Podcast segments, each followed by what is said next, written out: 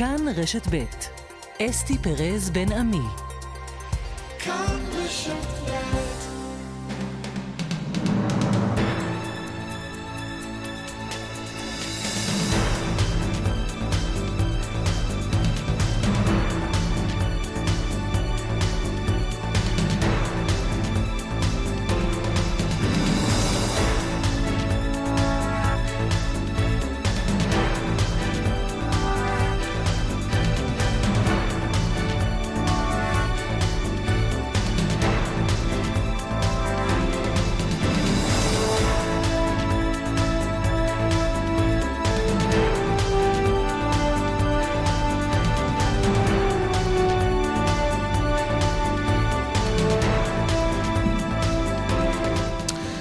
12 עכשיו ועוד חמש דקות, שלום לכם. בחצי היום עורך המשדר הוא גיא קוטב, בהפקה רחלי לוי ועמית כהן, וטכנאי השידור שלנו יוסי תנורי.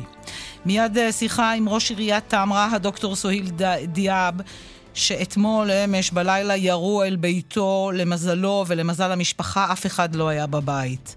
אבל גם אף אחד משרי הממשלה לא טרח להתקשר לשאול לשלומו ולשלום ביתו. מיד ראיון עם מילים קשות מאוד, מצמררות וגם עצובות עם ראש עיריית תמרה. יומיים לפני אה, פתיחת שנת הלימודים נתעדכן בכל העדכונים האחרונים, עדיין אין לנו בשורה בכל מה שקשור לחטיבות הביניים והתיכונים.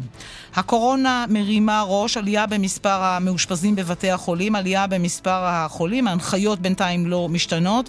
תהיה לנו שיחה כאן עם הדוקטור טל ברוש, גם ספורט, גם תרבות, שלומי שבת יהיה איתנו, ועוד הרבה מאוד עניינים אחרים בשעתיים הקרובות. ולפני הכל אנחנו מתחילים בניסיון דריסה, אין אה, נפגעים לכוחותינו, לוחמי צה"ל נטרלו את המחבל. שלום כרמל דנגור, הפרטים. שלום אסתי, כן, אה, זה פיגוע, ניסיון פיגוע אה, שקורה לפני שעה קלה, ממש בדקות האחרונות גם יוצאת הודעה רשמית של צה"ל לגביו. אנחנו מדברים על מחבל שהאיץ ברכבו לעבר כוח צבאי, באזור אה, צומת אה, שנקרא צומת 200, סמוך לחברון, לא רחוק אגב מזירת הפיגוע שבו נרצחה בת שבע ניגרי רק בשבוע שעבר. אותו מחבל היום האיץ ברכבו לעבר לוחמי צה"ל שזיהו מהר את הסיטואציה וירו לעבר המחבל, נטרלו אותו, אנחנו עדיין לא יודעים מה מצבו של המחבל, אנחנו מבינים שהוא פצוע קשה בשטח, אין נפגעים נוספים, אין נפגעים ישראלים בניסיון אה, הפיגוע הזה. כרמל, תודה רבה לך. 12 עכשיו ועוד 7 אה, דקות עכשיו לפשיעה בחברה הערבית. אתמול אה, בערב אלמונים ירו לעבר ביתו של ראש עיריית טמרה. הנה השיחה איתו. שלום לך, ראש עיריית טמרה, דוקטור סוהיל דיאב. שלום וברכה. מה שלומך תחילה? עברת לילה קשה. בסדר גמור, ברוך השם, אכן באמת לילה קשה. מה קרה? בוא תתאר לנו בדיוק מנקודת מבטך מתי ומה קורה. האמת, אני נכחתי עם uh, ממלא מקום ראש העיר, סאלח חיג'אזי. דיברנו בענייני באמת uh, העירייה, וקיבלתי הודעה מהמשטרה שירו על הבית שלי. כשאתה לא בבית. לא היה אף אחד בבית. וואי, איזה מזל. התקשרו פעם נוספת ואמרו שבאמת... אני לא האמנתי. אז באמת המשכתי עם ממלא מקום ראש העיר. אבל אחרי כמה דקות אני קורא אפילו גם כן הודעות בטלגרם, שירו על הבית של ראש העיר. אז לא הייתה לי ברירה, נסעתי וראיתי באמת שירו על כניסת הבית. הגעת הביתה, מה אתה רואה שם? תשמעי, קודם כל, המון אנשים, כבר המשטרה הייתה שם, הראו לי איפה ירו, הסתכלנו על המצלמות, ואחרי כמה דקות הודיעו לי שהם באמת תפסו שלושה חשודים, ואני לא יודע, אני אותם לא מכיר ולא יודע, אבל אנחנו מקווים שהחקירה תימשך. איפה פגעו הדוקטור דיאב? בחצר, בגדר, או ממש, בדיוק, ב, או ממש בבית? בדיוק בכניס, בכניסה לבית. בדלת? בכניסה ממש? בדיוק ליד, ליד הדלת, כן. חורים אתה רואה של כלי? שמונה יריות, כן, כן, כן. שמונה יריות. כן. אני חושבת שבסרטונים ראיתי גם אופנוע. באו עם אופנוע? אה, אמרו שהאופנוע שם אותו בחוץ, כן. מישהו הגיע, ירה וברח. איזה מזל שלא היה אף אחד בבית או בחצר. ברוך השם, הכי חשוב שכל המשפחה בריאה, גם כן כל השכנים, זה מאוד חשוב. אף אחד לא נפגע. איך, המש... הנזק ברכוש זה כלום. איך המשפחה קיבלה את זה? המשפחה תמיד תומכת. יש לי באמת משפחה מאוד מאוד תומכת. כאשר עבדתי בתור רופא גם כן תמכו בי, עבדתי כל כך הרבה שעות. אני בתור ראש עיר גם כן ממשיך באותה תנופה. אני יוצא לעבודתי בשעות הבוקר המוקדמות, ואני חוזר בשעה שתיים, שתיים בלילה. אז ברוך השם, ממשיכים לעבוד. אתה דוקטור דיאבומיר, המשפחה תומכת בי, אבל ירו, ירו על הבית שלכם. מה אומרת אשתך? מה אומרים הילדים? לא אומרים, וואלה, אבא, בעלי היקר, לך... תעזוב את המקצוע הזה? אני אומר לך את האמת, הם תומכים, ולהפך, אשתי גם כן היא אישה מאמינה, והיא תמיד אומרת לי, תמשיך בדרך היושר. אין מה לעשות. חייבים לשרת את התושבים, את העיר, את החברה הערבית, ולפעמים משלמים לצערנו הרב מחיר. אבל uh, אני שמח באמת, הייתי רופא בבית חולים רמב"ם, ונבחרתי להיות ראש עיר, אני לא מתחרט. ואני חוזר על זה, אני לא מתחרט. כפי שאמרתי, יש לי משפחה תומכת, וחברים תומכים בדרכי, דרך היושר. אתה לא מתחרט, אבל אני רוצה לשאול אותך, ראש עיריית טמרה, אתה פוחד? רצחו מנכ"ל עירייה בטירה, פצעו מועמד לראשות מועצה, אה, בנצרת אה, פצעו מועמד לראש עירייה, רצחו מועמד למועצת אבו סנאן, והרשימה עוד ארוכה. אתה לא פוחד? האמת שאני לא מפחד, ואני מאמין באלוהים, ואין מה לעשות. דרכי זה דרך היושר, אני אמשיך בדרכי, באמונה שלי, ואני ממשיך לשרת את התושבים של תמרה בפרט, ואת המגזר הערבי בכלל. יש לך הערכה מי מחפש אותך? מי השונא שלך? האמת, אין לי שונאים, אין לי אויבים, אבל אין מה לעשות. אבל מישהו בא וירה בתוך החצר שלך שמונה יריות על הדלת. מה לעשות? המשטרה חוקרת, ואני מקווה שתגיע לחקר האמת. יש לך דוקטור הודיעה במאבטחים עכשיו? לא, ואני לא רוצה מאבטחים. אתה מסתובב לבד למרות האיום? אני מסתובב לבד. אני משעות הבוקר המוקדמות. סוללים אצלי כבישים בעיר, אני נוכח עם הקבלן ואני בשטח. היו איומים על חייך בתקופה לא האחרונה? לא, לא, לא קיבלתי שום איום. כשאתה מסתכל על המצב בחברה הערבית בשנה האחרונה, מה אתה חושב? יותר גרוע, לזה לא נגיע. אנחנו באמת מדממים, החברה שלנו מדממת מזה מספר שנים, אבל הדימום הכי קשה שאנחנו סובלים ממנו עכשיו, בנוסף למה שיש לנו, יש לנו ממשלה שהיא חבורה של אה, שרים גזעניים. איך אפשר להתעסק עם בן אדם כמו סמוטריץ', בן גביר ונתניהו? הסבל שלנו הוא נוראי. אנחנו סובלים.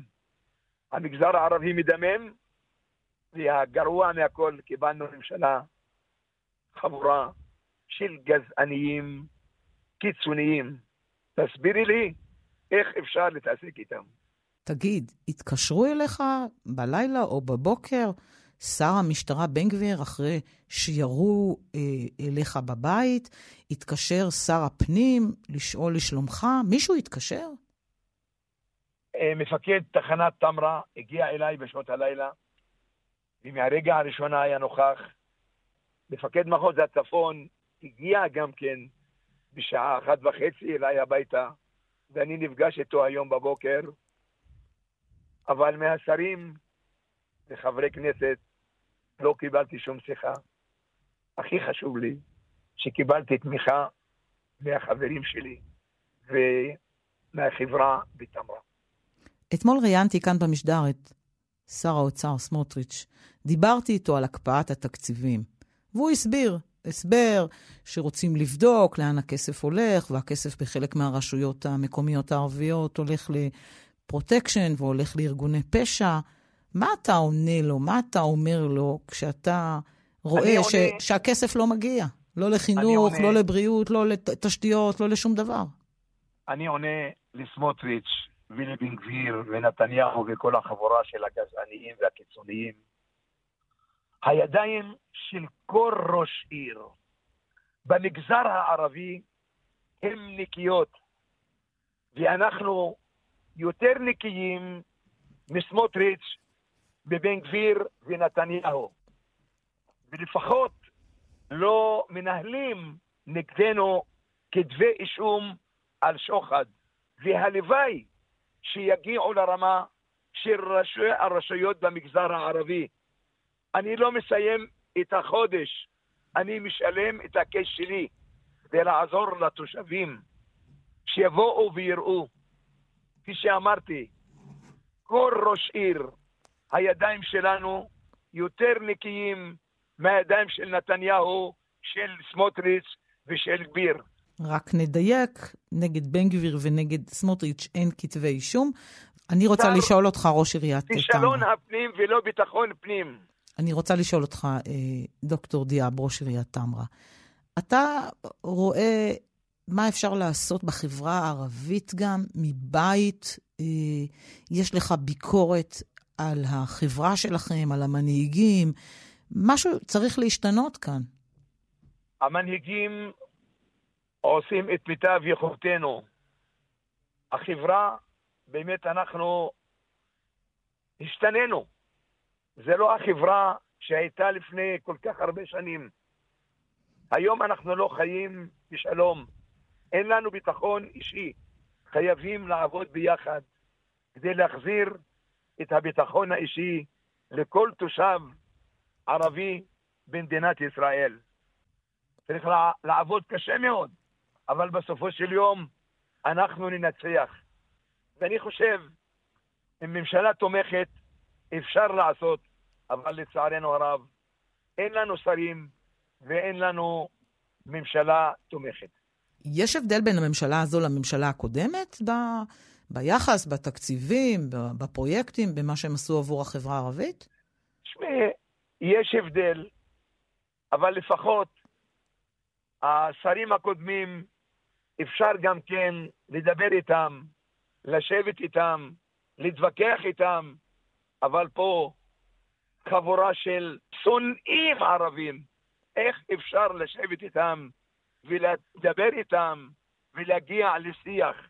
אני חושב, הגיע הזמן שהמגזר הערבי יחרים את הבחירות לכנסת, את הבחירות לשלטון המקומי, לראשי הרשויות, ו- ולעשות באמת דברים מעשיים, אין מה לעשות.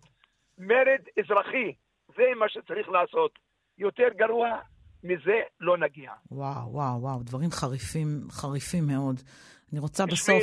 יותר גרוע מזה אנחנו לא נגיע. כל כך הרבה קורבנות. מספרים, את יכולה להשוות אותם באף מקום בעולם. כל יום אנחנו סוברים קורבנות. לא שמענו הצהרה משר לביטחון פנים. אנחנו מתחננים לסמוטריץ' שיעביר לנו כסף. ראש ממשלה שלא אכפת לו מכל החברה הערבית והיהודית. איך אפשר באמת לקדם את העניינים? הדוקטור דיאב, היית שנים רופא בכיר מאוד בבית החולים רמב"ם. מה היית צריך את זה, את הפוליטיקה הזאת? אני חושב, תמיד אפילו גם כן ברפואה, וכל החברים שלי בבית חולים רמב"ם בחיפה יודעים איך עבדתי. עבדתי בשליחות ושירתתי את המגזר הערבי כמו המגזר היהודי.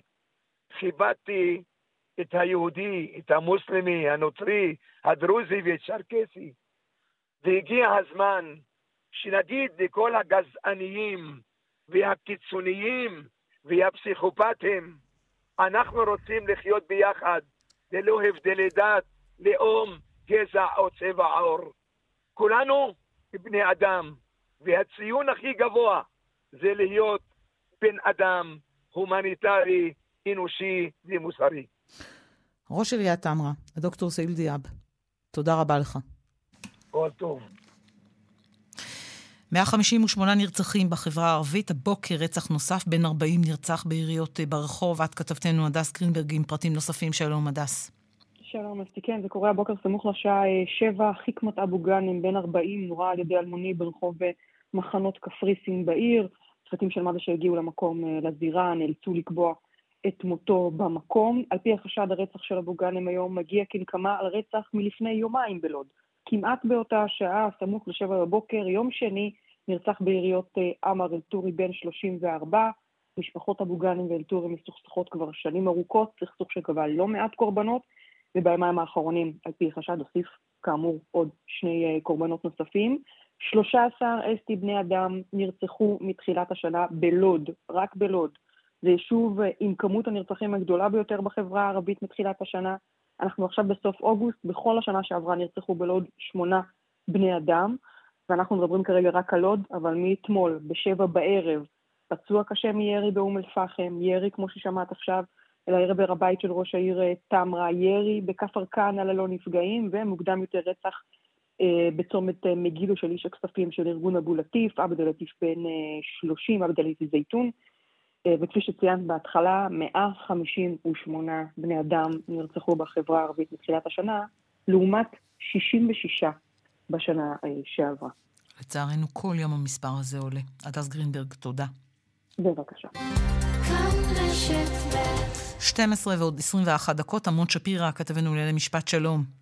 שלום אסתי. כמה וכמה עניינים. נתחיל בשר המשפטים לוין, שתוקף את היועצת המשפטית לממשלה ואומר שההתנהלות שלה מותירה פעם אחר פעם את הממשלה ושריה ללא ייצוג משפטי, ובכך היא פוגעת פגיעה קשה בממשלה. כן, אה, בעוד אה, כשבוע, זה, אגב, זה, זה פשוט על הרקע הדיון בשבוע הבא בעתירות אה, שמבקשות להורות על שר המשפטים לוין לכנס את הוועדה לבחירת שופטים שבראשותו. היום אמורה היועצת המשפטית לממשלה למסור לשופטים את עמדתה בשם הממשלה ושר המשפטים. על רקע זה באמת יוצא השר לוין חוצץ נגד גלי בהרב מיארה לאחר שהיא הודיעה לו שהיא זו שתייצג אותו, תוך כדי שהיא אומרת לו שהיא חולקת על דעתו אה, בעניין. והיועצת מתכוון לכתוב, בין השאר בעמדתה אה, בשם השר לוין, שהשר לוין הבהיר שהוא לא מבקש ייצוג נפרד, אלא להביא את עמדתו במסגרת התשובה. ועל כך הוא כותב ללוין את המילים האלה, לא היה ולא נברא, הוא מותח ביקורת חריפה על אופן הבאת עמדתו, הוא שואל על הזה ייקרא ייצוג, והנה כמה מהציטוטים של המכתב החריף שלו. האם קיים במקום כלשהו בעולם, אפילו במדינות לא דמוקרטיות, מצב שבו מי שאמור לייצג צד להליך מבקש שיינתן פסק דין נגד הצג שהוא מייצג, הוא אומר גם בסטנדרטים, בסטנדרטים הלא מקובלים שלך, בחזרי התקדים שבהם מתנהל הייעוץ, הייעוץ המשפטי לממשלה, בהובלתך מדובר בשיא נוסף של יחס מזלזל ורמיסת זכותי הבסיסית כבעל דין לקבל ייצוג הולם בעתירות שמופנות אה, אה, כלפיי. הוא בהחלט גם בהזדמנות הזו, הוא גם אה, הוא מוסיף ואומר שכמו שציטטתי גם בפתיח, שפעם אחר פעם הממשלה ושריה נותרים ללא ייצוג, ללא ייעוץ משפטי בעניינים מהותיים הנמצאים בליבת מדיניות הממשלה, ופעם אחר פעם הייעוץ המשפטי לממשלה מציג עמדות, עמדות קיצוניות וחסרות תקדים המנוגדות לחלוטין לעמדת הממשלה ושריה. בסוף המכתב הזה, ויש עוד משפטים כמובן, אני לא רוצה את כולם, יש משפט שהוא אומר לה, הוא מודיע לה, שהוא רואה את עצמו כמי שלא מיוצג בהליך הזה, וכמי שעמדתו לא מובאת בפני בית המשפט. תכף נחזור אליך בעוד עניין. אה, דוקטור תומר נאור, עורך דין, ראש האגף המשפטי בתנועה לאיכות השלטון, מצטרף אלינו, שלום. רק אני עוד לא דוקטור. אה, אה עורך דין. חשבתי שכבר כן, עשית כן. דוקטורט מאז לא, השיחה לא, לא, הקודמת. עורך דין תומר נאור. כן, צהריים טובים. אה, שלום לך, צהריים טובים. אתם עתרתם נגד אה, שר המשפטים בעניינים הללו. תשמע, יש הצדקה נכון. במה שהוא אומר, לא? לא רוצים לייצג אותו. תשמעי, זה, זה אחד ה... אולי באמת סלע המחלוקת, מה שנקרא, בעת האחרונה, בתפיסה ובהבנה של מה תפקידה של היועצת המשפטית לממשלה, ובכלל אה, של היועצים המשפטיים במשרדי הממשלה, וזה אה, היעדר ההבנה שבסופו של דבר כשהיועץ המשפטי אה, מגיע לבית המשפט הוא מחויב לפרשנות של החוק. ולכן לו שר המשפטים חושב שיש לו איזושהי פרשנות אחרת, היועץ המשפטי מביא אותה בפני בית המשפט. זה אגב גם מה שעושה, לפי המכתב שקראנו, כן, מה שהתכוונה לעשות היועצת המשפטית לממשלה. לבוא ולתת את פרשנותו, את עמדתו נקרא לזה של, של השר, אבל גם לבוא ולומר, הפרשנות שלנו כגורמים בלתי תלויים, גורמים מקצועיים, גורמים שאין להם פה אינטרס כזה או אחר, ונזכיר שלפוליטיקאים תמיד יש אינטרס, הפרשנות שלנו לחוק היא שונה, ואנחנו מציגים אותה בפני בית המשפט.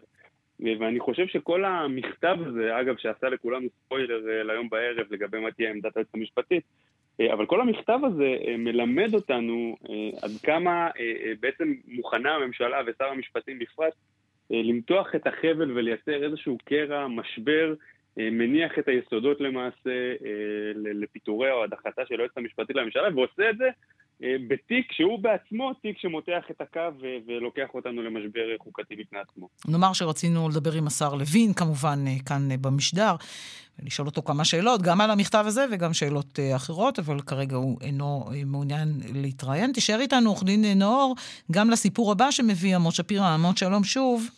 שלום אסתי. פרסום שלך הבוקר על החלטת פרקליט המדינה שלא לחקור את נתניהו בפרשת היעלמות מתנות שקיבל ממנהיגים זרים. יש לך עוד פרטים מאז פולו-אפ. נכון, עמית, עמית אייסמן אסתי, ואני כבר לא שומע אותך, אבל עמית אייסמן החליט שלא לחקור את ראש הממשלה בנימין נתניהו בפרשת היעלמות מתנות שקיבל מאורחים רמי דרג שביקרו בישראל, כמו מנשיא ארצות הברית, כמו מנשיא צרפת, כמו מהאפיפיור ונשיא רוסיה פוטין, בימים הטובים שבין השניים. אחת המתנות, המתנה שקיבל נתניהו מפוטין הייתה תעתיק של התנ"ך הראשון עם פירוש רש"י. נתניהו מאוד התרגש אז ואמר שיעביר את התנ"ך לספרייה הלאומית, וכך זה נשמע אז. במפגש עם הנשיא פוטין הוא נגע באחד השורשים שלנו, נתן לי את הספר הזה, שזה תעתיק של עשרים וכמה עמודים. יש בארץ תנ"ך, תנ"ך עם תרגום רש"י הראשון, אבל חסרים בו כמה עשרות עמודים, ו... ונתן לי את זה, וכמו בספר הקודם שהוא נתן לי, גם את זה אני אמסור לספרייה הלאומית. טוב, אז אסתי, אנחנו פנינו לספרייה הלאומית. זה הגיע לשם? אכן, התשובה היא זו, וזה לשון התשובה, הספר לא נמצא בספרייה הלאומית. איפה זה נפל בדרך, איפה זה נמצא עכשיו, כנראה שאף אחד לא יודע, בהחלט משהו תנ"ך ייחודי מאוד, שנמסר, ואף אחד בעצם לא יודע, זה אחת המתנות שבעצם נעלמו, ופרקליט המדינה אה, אומר, אני לא מוצא מקום לחקור את העניין הזה. אגב, משרד המשפטים אומרים שההיעלמות של מתנות, חלקם כמו שאמרנו יקרות ערך, מטרידה, מבטאת כשל בשמירה על קניין המדינה, אבל בתשתית העובדתית אי אפשר לנקוט בהליך פלילי או בהליך אזרחי לכל הפחות. פרקליט המדינה כתב בהחלטתו בין השאר שאפשר שהמתנות תשברו או עבדו בעת אריזות החפצים בעקבות שיפוצים שהיו בלשכת ראש הממשלה או באריזות בעת שנתניהו סיים את כהונתו ועזב את המעון בבלפור. או-אה, אז זה לא הגיע לשם. למרות שנתניהו לא הבטיח שזה יגיע לשם, זה לא הגיע לשם. אולי לשכת ראש הממשלה שמאזינים לנו יוכלו אה, לעזור לנו לפתור את התעלומה, אלא אם כן זה הלך לאיבוד במהלך ההעברות והשיפוצים. צריך לארוז כמו שצריך אה, מתנות, אולי לא הקפידו על זה. עמוד שפירא, תודה רבה לך. תודה גם לך, אסתי. גם על הפרסום הזה שלך, ואתה עדיין איתנו, עורך דין תומר נאור, אבל תשמע, פרקליט המדינה החליט לא לפתוח בחקירה, זאת אומרת, לסגור את התיק. איזה טענה יכולה להיות לכם? זה הלך לאיבוד. אז אני חייב להגיד פה משהו. כל התיק הזה, בואו רק נבין איך הוא התגלגל, ונסביר גם למאזינים. אנחנו, אחרי שמסיים נתניהו את תקופת כהונתו הקודמת, לפני שנכנס נפתלי בנט ללשכתו, מבקשים בבקשת חופש מידע מלשכת ראש הממשלה, משרד ראש הממשלה בעצם מבקשים את, את, בעצם, את, את, את uh, המסמך שמדבר על אותן מתנות, אני אומר פה, אגב זה אפילו לא דיבה, יש פה uh, uh, ראש ממשלה שאנחנו כבר יודעים מה קרה בפעם הקודמת שהוא עזב את הלשכה. ואנחנו יודעים שמתנות אז נעלמו, ואנחנו יודעים שאז קולפו, מ, במהלך האריזות אגב, קולפו מדבקות ממתנות כדי שלא יוכלו לזהות אותן, ואנחנו מקבלים רשימה מאוד מאוד ארוכה של מתנות שפשוט נעלמו, וזה ספר התנ"ך הראשון עם פירוש רש"י, וזה קופסת זכוכית שהוא קיבל מנשיא ארצות הברית, ומטבע זהב מהאפיפיור, וכו' וכו', מנשיא צרפת ויפן וגרמניה, שורה ארוכה של מתנות מאוד מאוד יקרות, נעלמות, אין על זה מחלוקת בכלל. עכשיו, לא נתניהו העלים אותם, או מישהו מבני משפחתו, עדיין צריך לחקור את זה, ואנחנו במשך שנה וחצי פונים אליהם, אחרי דרך אגב שהיועצת המשפטית של משרד ראש הממשלה אומרת, עשיתי כל מה שביכולתי, כרגע זה צריך לעבור לפסים אחרים, מבקשים שיחקרו את העניין, ורשויות אכיפת החוק, עורך דין אור, מה לא, אתה אומר? אתה, לא, לא סומך על, אתה לא סומך על רשויות אכיפת החוק, שהן ב... חוקרות, והן לא מחליטות לא מתי אבל, לפתוח אוי, ומתי לסגור? אם, אם היו חוקרים, הייתי אומר לך בסדר, לא מצאתם. הם לא חקרו. בשום שלב לא זומן אף אדם לחקירה, לבדיקה מקדמית אפילו, שהם המציאו איזשהו הליך לפני כמה שנים, גם את זה לא עשו. אחרי ש... כמעט מה שנתיים... מה החשד שלך? למה לא עושים את זה? אני אומר שנייה, אני אומר לך מיד מה עכשיו. אחרי כמעט שנתיים, אחרי שאנחנו פונים לבג"ץ, ובג"ץ מורה להם להגיב, ומבקשים למעלה משש או שבע ארכות, הם בסוף אומרים לנו, אנחנו חושבים שאולי הם נשברו או עבדו, אז אנחנו לא רואים טעם לחקור. עכשיו, מה החשש שלי? והחשש שלי הוא, הוא מפחיד, שאנחנו נמצאים היום בעידן שבו אה, ראשי רשויות מערכת אכיפת החוק מאוימים, אגב, האייטם הקודם שלך, מאוימים אה, אה, על ידי כל מיני מכונות רעל ושופרות כאלה אחרים, אומרים, מה אנחנו צריכים את כאב הראש הזה? נתחיל לחקור את הפרשה הזו, אלוהים יודע מה נמצא שם. זה כבר לא הימים של רובינשטיין ועדנה ארבל שרצו על זה בזמנו להגיש אה, הליך פלילי נגד ראש הממשלה נתניהו על היעלמות מתנות. אנחנו נמצאים היום בעידן אחר וזה מפחיד לראות עד כמה השחיתות הזאת משתרשת, לכאורה כמובן, אנחנו לא יודעים מה קרה למתנות. מה שאנחנו כן יודעים, שנעלמו, זה אין ספק בכלל, נעלמו פה מתנות יקרות ערך, וגם אם זה לא קשור לנתניהו, הם נשברו בדרך או משהו, מישהו צריך לגלות ולהבין איך דברים כאלה קורים במדינת ישראל. הדוקטור, אבל קראתי לך שוב דוקטור, אתה רואה עורך דין תומר נאור, ראש האגף המשפטי בתנועה לאיכות השלטון, תודה רבה לך. תודה, להתראות. איך טעות נדבקת לפעמים. השרה לשעבר אורית פרקש הכהן, וכאן אני מקווה שאני לא טועה, המחנה הממלכתי, שלום. שלום אסתי, שלום למאזינים. מה שלומך? אה, שלומי טוב ברמה האישית. אה, את יודעת, אני מודאגת ממה שקורה בממשלה ובמדינה. לפחות אני מברכת על זה שהכנסת אה, בפגרה כבר עדיף שתהיה סגורה ושלא יעשו עוד נזקים ולא יחוקקו חוקים רעים. עמוד שפירא שלנו פרסם היום שהפרקליט המדינה, אייסמן, החליט שלא לחקור את נתניהו בפרשה של היעלמות מתנות שקיבל ממנהיגים זרים. חלק מן המתנות לא נמצאו. מתנה שהוא קיבל מפוטין, שאמר שיעביר אותה לספרייה הלאומית, לא הגיעה לספרייה. הספרייה הלאומית. את חושבת שמדובר בהחלטה נכונה? תראי, מאחר שאני לא מכירה את הפרטים, אני סומכת על הדרג המקצועי במשרד המשפטים, שיודע להפעיל אה, שיקול אה, דעת אה, נכון, ואני מכבדת את ההחלטה הזאת.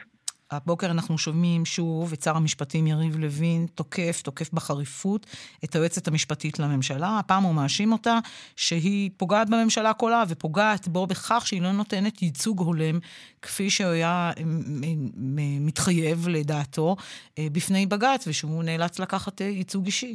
מה את אומרת על זה? אני אומרת שזה מאוד uh, מצער אותי כאזרחית לראות מה קורה, שבעצם קודם כל ברמה התהליכית. יש כאן ממשלה שלא הייתה כמותה, שלא מפסיקה להתקוטט עם הדרגים המקצועיים ול, ו, ולרסק אותם, כן? זה לא רק אה, שר המשפטים, זה שר, אה, השר של רשות החברות אמסלם אה, מתכסח ומרסק את רשות החברות, שר התקשורת עוין לתקשורת, השרה דיסטל עם כל העלילות שלה, ואני יכולה להמשיך, ואת יודעת, שר המשטרה, שהמשטרה בשפל של כל הזמנים. זה פשוט סימפטום. עכשיו, לגבי היועצת המשפטית, קראתי את המכתב, ואני חייבת להגיד לך שזה נראה כמו בונים תיק, מתחילים לבנות את התיק של ההדחה ליועצת המשפטית, כי מה שנקרא לא יועצת אה, מטעם, לא יועצת אה, שפוטה, אה, כי היא נוהגת לפי הדין. ומה לעשות שממשלה כזאת ש... אה, כל חמש דקות מנפקת חוק אחר מושחת או תהליך אחר מושחת, כן, חוק טבריה למשל, ש, ש, שחוק שלם שאפשר למקורב של דרעי לזכות בבחירות ושינה את כללי הבחירות המוניציפליות, חוק הרבנות הראשית, חוק הנבצרות, חוק הסבירות, מה מצפים? הרי בן אדם שהוא דרג מקצועי, שהוא איש, איש מקצוע, הוא הפרשן המוסמך של החוק במדינת ישראל, והבעיה היא שזה לא ממשלה של שלטון חוק, זו ממשלה שהציבור כבר רואה שאין לה, לא מצטיינת בשיקול דעת, ובנוסף גם רוצה כוח בלתי מוגבל.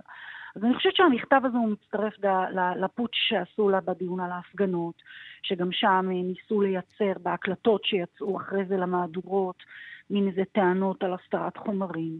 וזה חמור מאוד. אני חושבת שהממשלה גם לא מבינה איפה היא חיה, כי אני חושבת שהציבור מאס מאוד בעניין הזה. בשבוע, ביום שישי הקרוב, אנחנו בשעה טובה, מחיר הדלק יעלה שוב. ואת יודעת, זה, זה, זה, זה לא אני, זה ראש הממשלה שעשה קמפיין שלם על יוקר המחיה, ספציפית על הדלק, והבטיח כל מיני הבטחות uh, שווא. אה, לא מטפלים במה שצריך. במקום זה מתעסקים ברוגלות פרוש מסייע לעבריין מין להגיע לאומן. ו... נתניהו עצר את זה. והורסים את היחסים עם אה, לוב, ובשביל פרסום, ודיסטל מדיחת המנכ"לית שלה. אפרופו כל הדברים האלה שאת מציינת, החקיקה... פשוט הברדק חוגג, וגם, וגם שר הביטחון אה. מראה שיש, שיש חשש ל, ל, ל, לסיכון ביטחוני בצפון עם חיזבאללה, אז אני, אני פשוט לא מבינה איפה שיקול הדעת שלהם? זה כבר די מפחיד, זאת האמת. אז אתם, אתם במחנה הממלכתי אה, חושבים, שוקלים להציע לראש הממשלה נתניהו להצטרף אליו לממשלה שלו בשביל לשמור על כל מה שאתם רואים אה, מהצד ככזה שגורם נזק? זה משהו שנשקל? תראי, אנחנו... הלכתם איתו כבר בעבר. אנחנו באמת עשינו את הדבר הזה בתקופת הקורונה, וכנגד כל הביקורות ועם מחיר פוליטי אה, כבד, אמרנו ישראל לפני הכל, נכנסים לתקופה ועכשיו קשה, ישראל לא לפני הכל? נכנסים לממשלה. אבל מה שגילינו בתקופה כזו הייתה שבשבילנו ישראל לפני הכל, אבל בשביל הליכוד של היום ונתניהו במיוחד, הכל לפני ישראל, ובמיוחד ענייניו שלו, הפליליים. עכשיו, איך את בדיוק חושבת שאנחנו נוכל, מה, מה, מה נשפיע בתוך ממשלה כזו במספר אה, מנדטים שיש לנו כרגע, עם אה, כל כך הרבה מטרות אה, פסולות ושיקולים זרים כשיש לממשלה הזאת. זאת ממשלה באמת כל כך רעה וכל כך קיצונית, שפשוט צריך להחליף אותה. אם הם יעשו את זה משהו טוב לשם שינוי, אנחנו אה, נהיה בעד, אנחנו תמיד מצביעים בעד אה, דברים טובים, גם בכנסת, גם נגבה בכל הנושא הסעודי, אבל באמת, תראי, מה אפשר לעשות בשבוע כזה שהוא רק שבוע אחד, כן? שר המשטרה עשה עבודה ל-BDS, עזר לשונאי ישראל, מה שלא עשו הרבה, הרבה אויבים שלנו עם ההתבטאות האומללה שלו על המגזר הערבי, שהיא לא מה שהוא אמר. הוא לא, הוא לא אמר, כמו שאחרי זה הוא מנסה לתקן את זה, שחיי האדם אה, חשובים מזכות תנועה, הוא, כן. הוא אמר משהו אחר. ושר החוץ שלנו, בשביל לקבל איזה ציוץ בטוויטר, הורס יחסים רגישים אה, עם לוב, ואז יש את ועדת הרוגלות, שגם בה יש אלמנט, זה מה, שמע, זה מה שמעניין את הממשלה, היא מתפקדת רק באלמנטים המושחתים של עצמה, וזה באמת אה, ליקוי מאורות. השרה לשעבר אורית פרקש הכהן, המחנה הממלכתי, תודה רבה לך. תודה. מאזין לדברים, לפחות לסופם, ואיתנו עכשיו חבר הכנסת ניסים ואטורי מהליכוד, שלום לך. היי, שלום לכם. מה שלומך?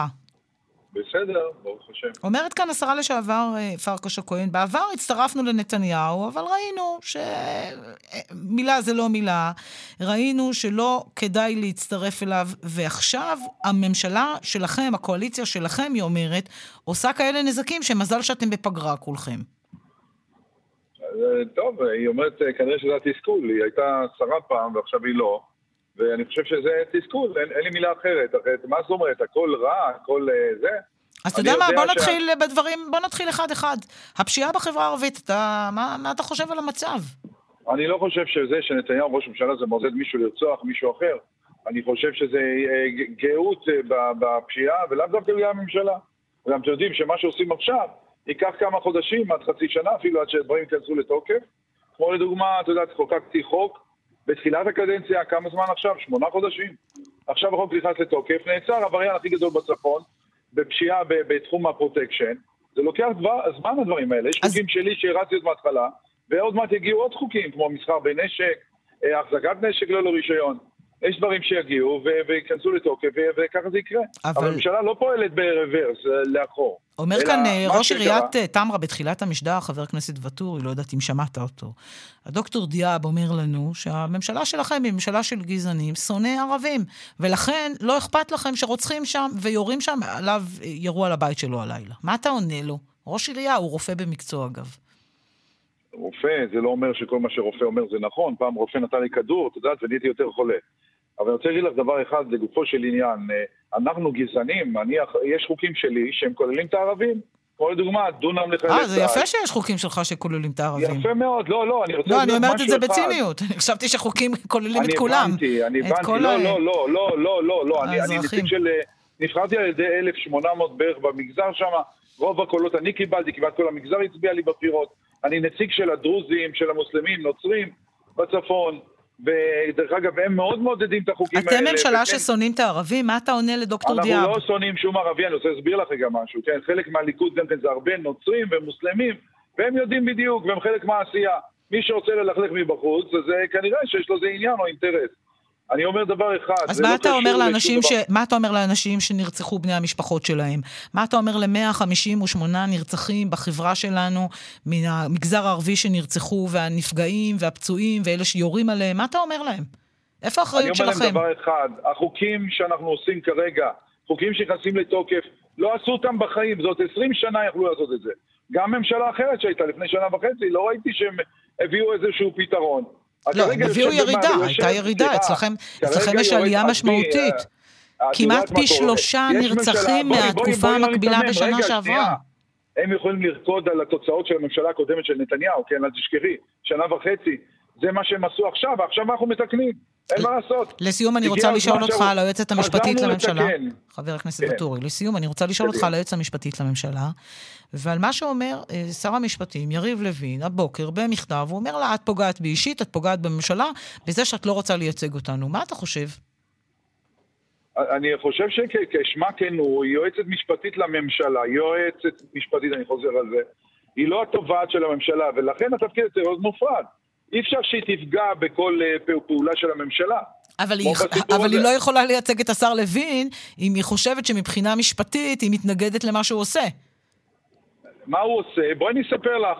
אנחנו ישבנו בוועדת חוקה, ישבו מולנו המשטרה, יועצים משפטיים של המשטרה, והם אומרים שהם לא אישרו איזה אלפיים שיחות של רוג, אה, רוגלות שהותקנו במכשירים של אזרחי ישראל. האם על זה היא צריכה לצאת נגדנו? או שהיא צריכה להיות איתנו במאבק הזה למען אזרחי ישראל, שנפגעת הפרטיות שלהם יום-יום. איפה ארגוני זכויות האדם? איפה הם היום? הם רק בשמאל, הם פועלים רק נגד הממשלה. תבואו, ח... תגנו על אזרחי ישראל. אתה חושב... תצטרפו אלינו לזעקה הזאת. אתה חושב שצריך להדיח אותה? אני לא אומר, למרות שזה יעשה לי עכשיו כותרת יפה בכל הזה, אני לא אומר להדיח או לא להדיח, צריך לפצל את התפקיד. וקודם כל את הרפורמה, כי אם אנחנו יודעים שאם אנחנו נפטר אותה, הרי בית משפט יחזיר אותה. מכל מיני סיבות, כי הרי יש פה איזה קליקה מסוימת שאותה צריך לפרק. זה לא הולך כזה דבר. צריך שיהיה יועץ משפטי לממשלה. כרגע אין יועץ משפטי לממשלה, כן? זה ברור לכולם. למה? זה לא ברור לכולם. לך אולי זה ברור. לא, למה? לא, לא, אני רואה יועצת משפטית לממשלה. היא לא יועצת מישהו, היא לא יועצת, היא תובעת של הממשלה. במה היא מייעצת? בזה שהיא דוחה את השרים שהם צריכים ייעוץ בבג"ץ? אבל אתה מבין את התפקיד שלה? אולי אתה לא כל כך מבין את התפקיד שלה. התפקיד שלה זה להגיד לכם, זה לא חוקי. התפקיד שלה זה לא נכון. להגן על כל מה שאתם עושים. מה שהיא נכון, חושבת שהוא לא נכון. חוקי, היא צריכה להגיד לכם, תיזהרו. לא, לא, רגע, רגע, רגע, סליחה. את רוצה להגדיר את התפקיד היועצת מחדש? אולי נעשה את זה באמת. אולי באמת זה יפתור את הבעיה. אז מה אתה חושב שהתפקיד שלה, להנהן על כל מה שאתם עושים? לא, היא צריכה לייעץ. היא יכולה לייעץ לשר, להגיד לו מה היא חושבת, אבל מול בית משפט אה, צריכים ייצוג. מה זאת אומרת? מי מייצג את השרים? עוד פעם ללכת לאזרחים, לאנשים שלא קשורים? לייעוץ פרטי בחוץ? אז למה אנחנו צריכים את היועצת? אולי אנחנו לא צריכים אותה בכלל. אם, אם היא לא מייעצת לממשלה, אז מה, מה נעשה איתה? היא רק תוקפת את הממשלה ומאשימה אותה. אולי הממשלה צריכה להבין מזה שהיא עושה אה, דברים שהם בעייתיים מבחינה חוקית. אולי זה הרמז. הממשלה לא עושה שום דבר. תגידי לי, מה בעייתי? אה, ועדת חקירה לענייני הרוגלות? הפגסוס הזה, יכול שאצלך בטלפון מותקן. את יודעת, אה, אשתו של ראש עיריית חדרה, צטטו לה טלפון בבית, הטלפון עבד כמכשיר, הוא שמע את כל השיחה מסביב. הוא הקליט שיחות תוך כדי, הוא שמע את הסביבה שמדברת ליד הטלפון, בחדר המיטות שלה, ובסוף הסתבר שבכלל אין שום דבר, וסתם רדיפה. האם זה נכון לעשות כזה דבר?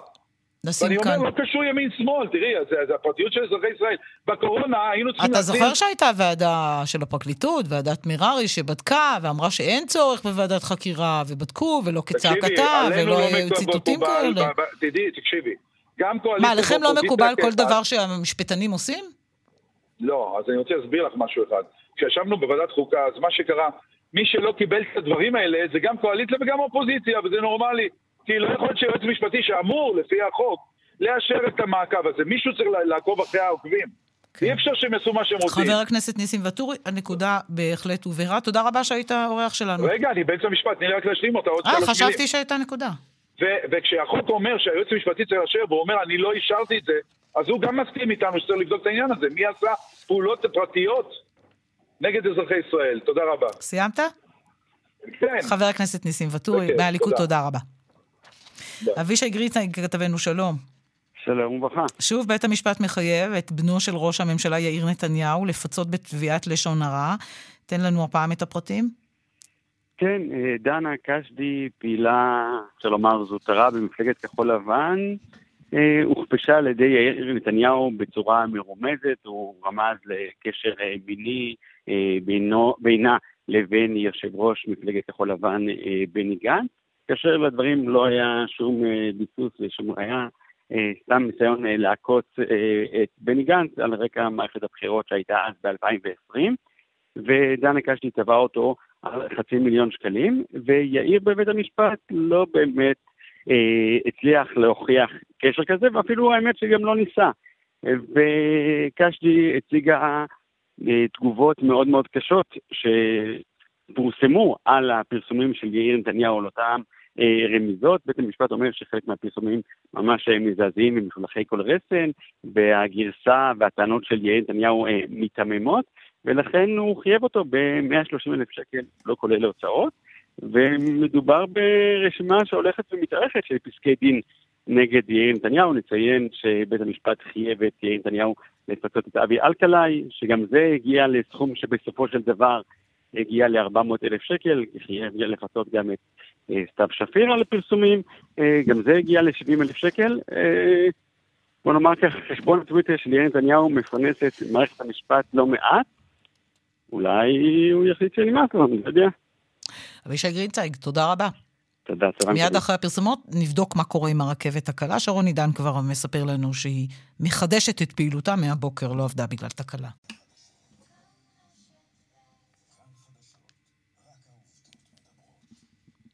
שתים עשרה ועוד כמעט ארבעים ותשע דקות, הנה באה הרכבת, או שלא. שרון עידן כתבנו, שלום. שלום, אסתי. בשעה הזו ולאחר שעות ארוכות מתחדש השירות ברכבת הקלה של גוש דן, שהיה מושבת מהבוקר בגלל תקלה. כן, בגלל תקלה משמעותית במערכת האיתות, שזאת בעצם התקשורת אסי בין הרכבות. אה, אנשים שהגיעו היום מוקדם בבוקר, אני מזכיר לך שהשירות מתחיל ב-5.40 מבת ים ומפתח תקווה, גילו פשוט שה... רכבות לא אה, פועלות, גם אה, בשעות הבוקר, אנשים שניסו להגיע לעבודה, סידורים, עדיין חופש גדול, אז נסיעות עם ילדים. בואי רגע תשמעי אה, ביחד איתי, אותי מגיע לתחנה ביפו, ומגלה, כמו רבים, שאין רכבת. אין רכבות? הרכבת לא פעילה היום. למה? בעיות בחשמל. ויודעים עד מתי, משהו או... עלייה בהודעה חדשה, הרכבת לא פעילה היום.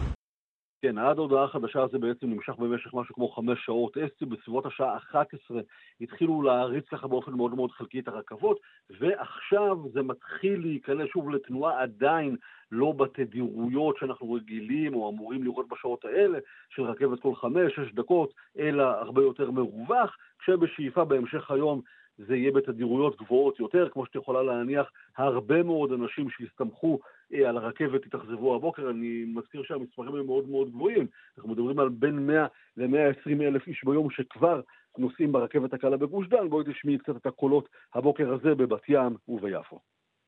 הלכתי עם אוטובוס, שני אוטובוסים לפינה, אמרו לי אין חשמל. מה זה אין חשמל? שבוע רכבת אין חשמל. איזה מדינה, מה קרה לכם? מה קרה? הכל נהיה בלאגן אני רואה. זה בושה וחרפה, בושה וחרפה. שבוע שלם אין חשמל. למדנו את הקווים, בבית אני משנן אותם עם הילד כל הערב, יורדים בבוקר לבית ספר, בסוף אני צריך לרוץ לקחת אותו באוטו. העיקר אין לנו פה אוטובוסים ואין לנו רכבת. אבל, אבל רב קו נתנו לנו לקנות. מה זה הארץ נהדרת הזאת? ציפיתי לנסוע בכיף עם המזגן, ועכשיו מה? עכשיו אני נוסע באופניים, איך אמר לי היום אה, בבוקר אה, אסתי אחד הנושאים, שמענו את זה גם עכשיו, מרגישים פה קצת כמו בבנגלדש, שבוע וחצי עבר מאז אותה פתיחה חגיגית, הרכבות הבוקר הזה, איך אומרים, לקחו את הזמן. שרון עידן, תודה רבה לך. עכשיו אה, לדרום, בשטח אש של צה"ל, באור יום, מרוץ לא חוקי, זה קורה כל שנה, מאות התפרעו הפעם עם ג'יפים, עם גמלים ועם ירי. אסף פוזלוב, אתה עם הסיפור הזה. שלום, שלום אסתי. כן, כשמדברים על תחושה של אנרכיה על הדרום הפרוע, בדיוק על זה מדברים לאור יום ובשטח אש. מאות אנשים מהמגזר הבדואי בנסיעה פרועה מאוד דוהרים גם על אה, ג'יפים, אה, עשרות ג'יפים, גם על עשרות רבות של גמלים וגם חלקם יורים באוויר. הנה, ככה זה נשמע.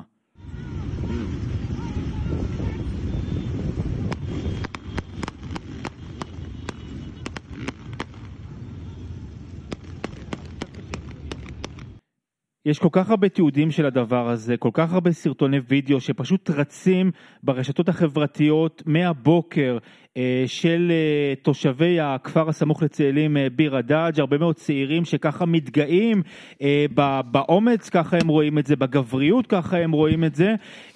נשמע דברים שאומר לנו סייר השטח של תנועת רגבים, עמנואל עזר. מה שאנחנו רואים פה זה עוד אחד ממה שאנחנו קוראים לו בנגב חוסר המשילות. התופעה הזאת שהתחילה לפני כמה שנים כמרוץ גמלים, אה, היום זה למעשה מערב פרוע לגמרי, כי בתוך כל הגמלים אנחנו רואים הרבה יותר ג'יפים ורייזרים וכל מיני רכבי שטח, וכל זה נעשה כמובן בלב שטח אש פעיל של צה"ל. זאת אומרת שהדבר הזה גם מפריע לאימונים ופוגע בכשירות של הצבא. בוא צריך לומר נצרף אלינו... כן, בבקשה, אסף, עוד משפט. המרוץ הזה קורה בכל שנה, זה מרוץ שנתי, ידוע, גם ידוע עליו מראש, אף אחד מטורף. לא עשה דבר כדי לעצור אותו. הפעם הוא קורה, לדעתי בפעם הראשונה בתוך שטח אש, זאת עליית מדרגה. מה אומרים לך בצבא? אותנו- המשטרה הפנתה אותנו לתגובה של צה"ל, הצבא לא מגיב, לפחות לא רשמית, אנחנו לא קיבלנו ממנו תגובה. אסף, תודה רבה לך. מצטרף אלינו ערן דורון, ראש המועצה האזורית רמת נגב, שלום. צהריים טובים. כל פעם אנחנו אומרים, אין גבול, אבל מסתבר שהגבולות הולכים ומתרחבים. הדרום הפרוע הזה שלכם, גם בתוך שטח אש של צה"ל, מין מרוץ מטורף כזה שחוזר על עצמו כל שנה. צה"ל לא מגיב, המשטרה מפנה לצה"ל, ואתם שם התושבים באמצע. הכיצד? אה, מה השאלה? כל- כל מה שאמרת נכון. כל מה שאמרתי נכון. כל מה שאמרת נכון, אני רק אציין כמה דברים. אה, אני, אה, לפחות לפי אה, השיחה אה, מוקדמת שקיימתי עם מפקד אה, בסיס צאלים, הם אה, לא, לא, לא, לא בטוח שהאירוע הזה יתקיים באמת בשטחי של צאלים, והדבר הזה נבדק. אה, ואני לא יודע להגיד אם זה היה שם או לא, אבל צריך לדבר ברמה... אבל האירוע הזה היה, גם אם זה לא היה בשטח כן. אש או לא. מה אתה אומר, אסף? אסף מתערב. כן, בשטח אש, כן. אני בדקתי את זה עם גורם רשמי שאישר את בסדר. זה, ושוב, צה"ל היה אמור להוציא תגובה בגלל שזה בשטח אש, ועדיין לא הוציא. בסדר, עכשיו כן. נתייחס לאירוע עצמו. ברמה כן, העקרונית. זה- זה דוגמה טובה, כי שלשום אני, שלשום ואתמול, והיום נפגשתי עם מפקד מג"ב, והלכנו וראינו חממות קנאביס, וזה הכל בסוף מתחבר למשהו שמתחיל בכבישים. זאת אומרת שיש אלפי אנשים שנוסעים בלי, ביט- בלי רישיונות ובלי טסטים, ומחזיקים נשק לא חוקי, ובסוף עושים מרוץ גמלים. עכשיו, מרוץ גמלים, אגב, דבר מקובל מאוד במזרח התיכון, יש בירדן ויש בסיני, אני רק, אני רק לפני חודש ראיתי בסיני אה, אה, מקום שהכינו, אה, אה, הממשלה המצרית בסיני, הממשל המצרי בסיני הכין מקום לכזה סוג של אה, ספורט אה, שהוא מקובל.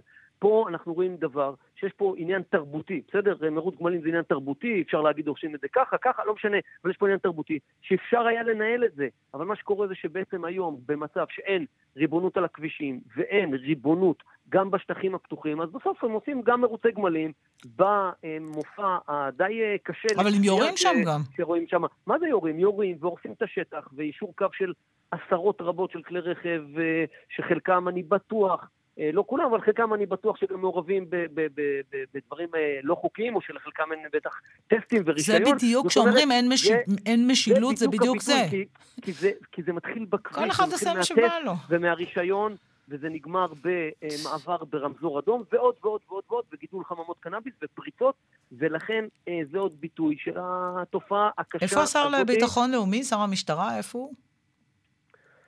אה, תשאלי אותם, לא לא, נפגש. איתך, קיבלת כן, אה, אתה, תראי... אה, אה, הבטחות אני- למשהו.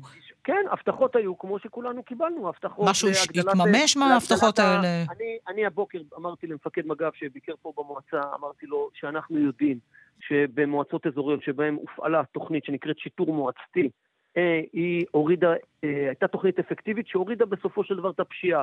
באותן מועצות אזוריות שלא קיימת בהן התוכנית, אנחנו רואים גידול בפשיעה, ולכן הכלי שנדרש לעשות זה להרחיב את אה, היקף התוכנית הזאת, שזה עוד משאבים שגם הרשויות ישימו וגם המשרד לביטחון לאומי, זה כרגע עוד לא קרה, ואני מקווה, לפחות על פי אה, מפקד מג"ב, זה אמור לקרות בקרוב, אבל אה, אה, זה, בפועל זה עוד לא קרה. ערן דורון, ראש המועצה האזורית רמת נגב, אנחנו ממשיכים ונמשיך לעקוב. תודה רבה, אסף עוזלוב, תודה רבה לך אה, על הסיפור. באמת להציף את הדבר הזה. אנחנו. משתדלים. תודה רבה לך, אסף, תודה רבה. תודה. סיימנו שעה ראשונה, נחזור עם עוד שעה עמוסה ומעניינת בחצי היום. שערו איתנו, שלום.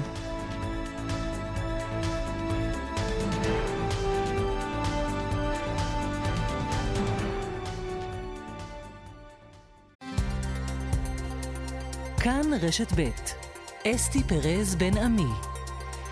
כאן רשת ב'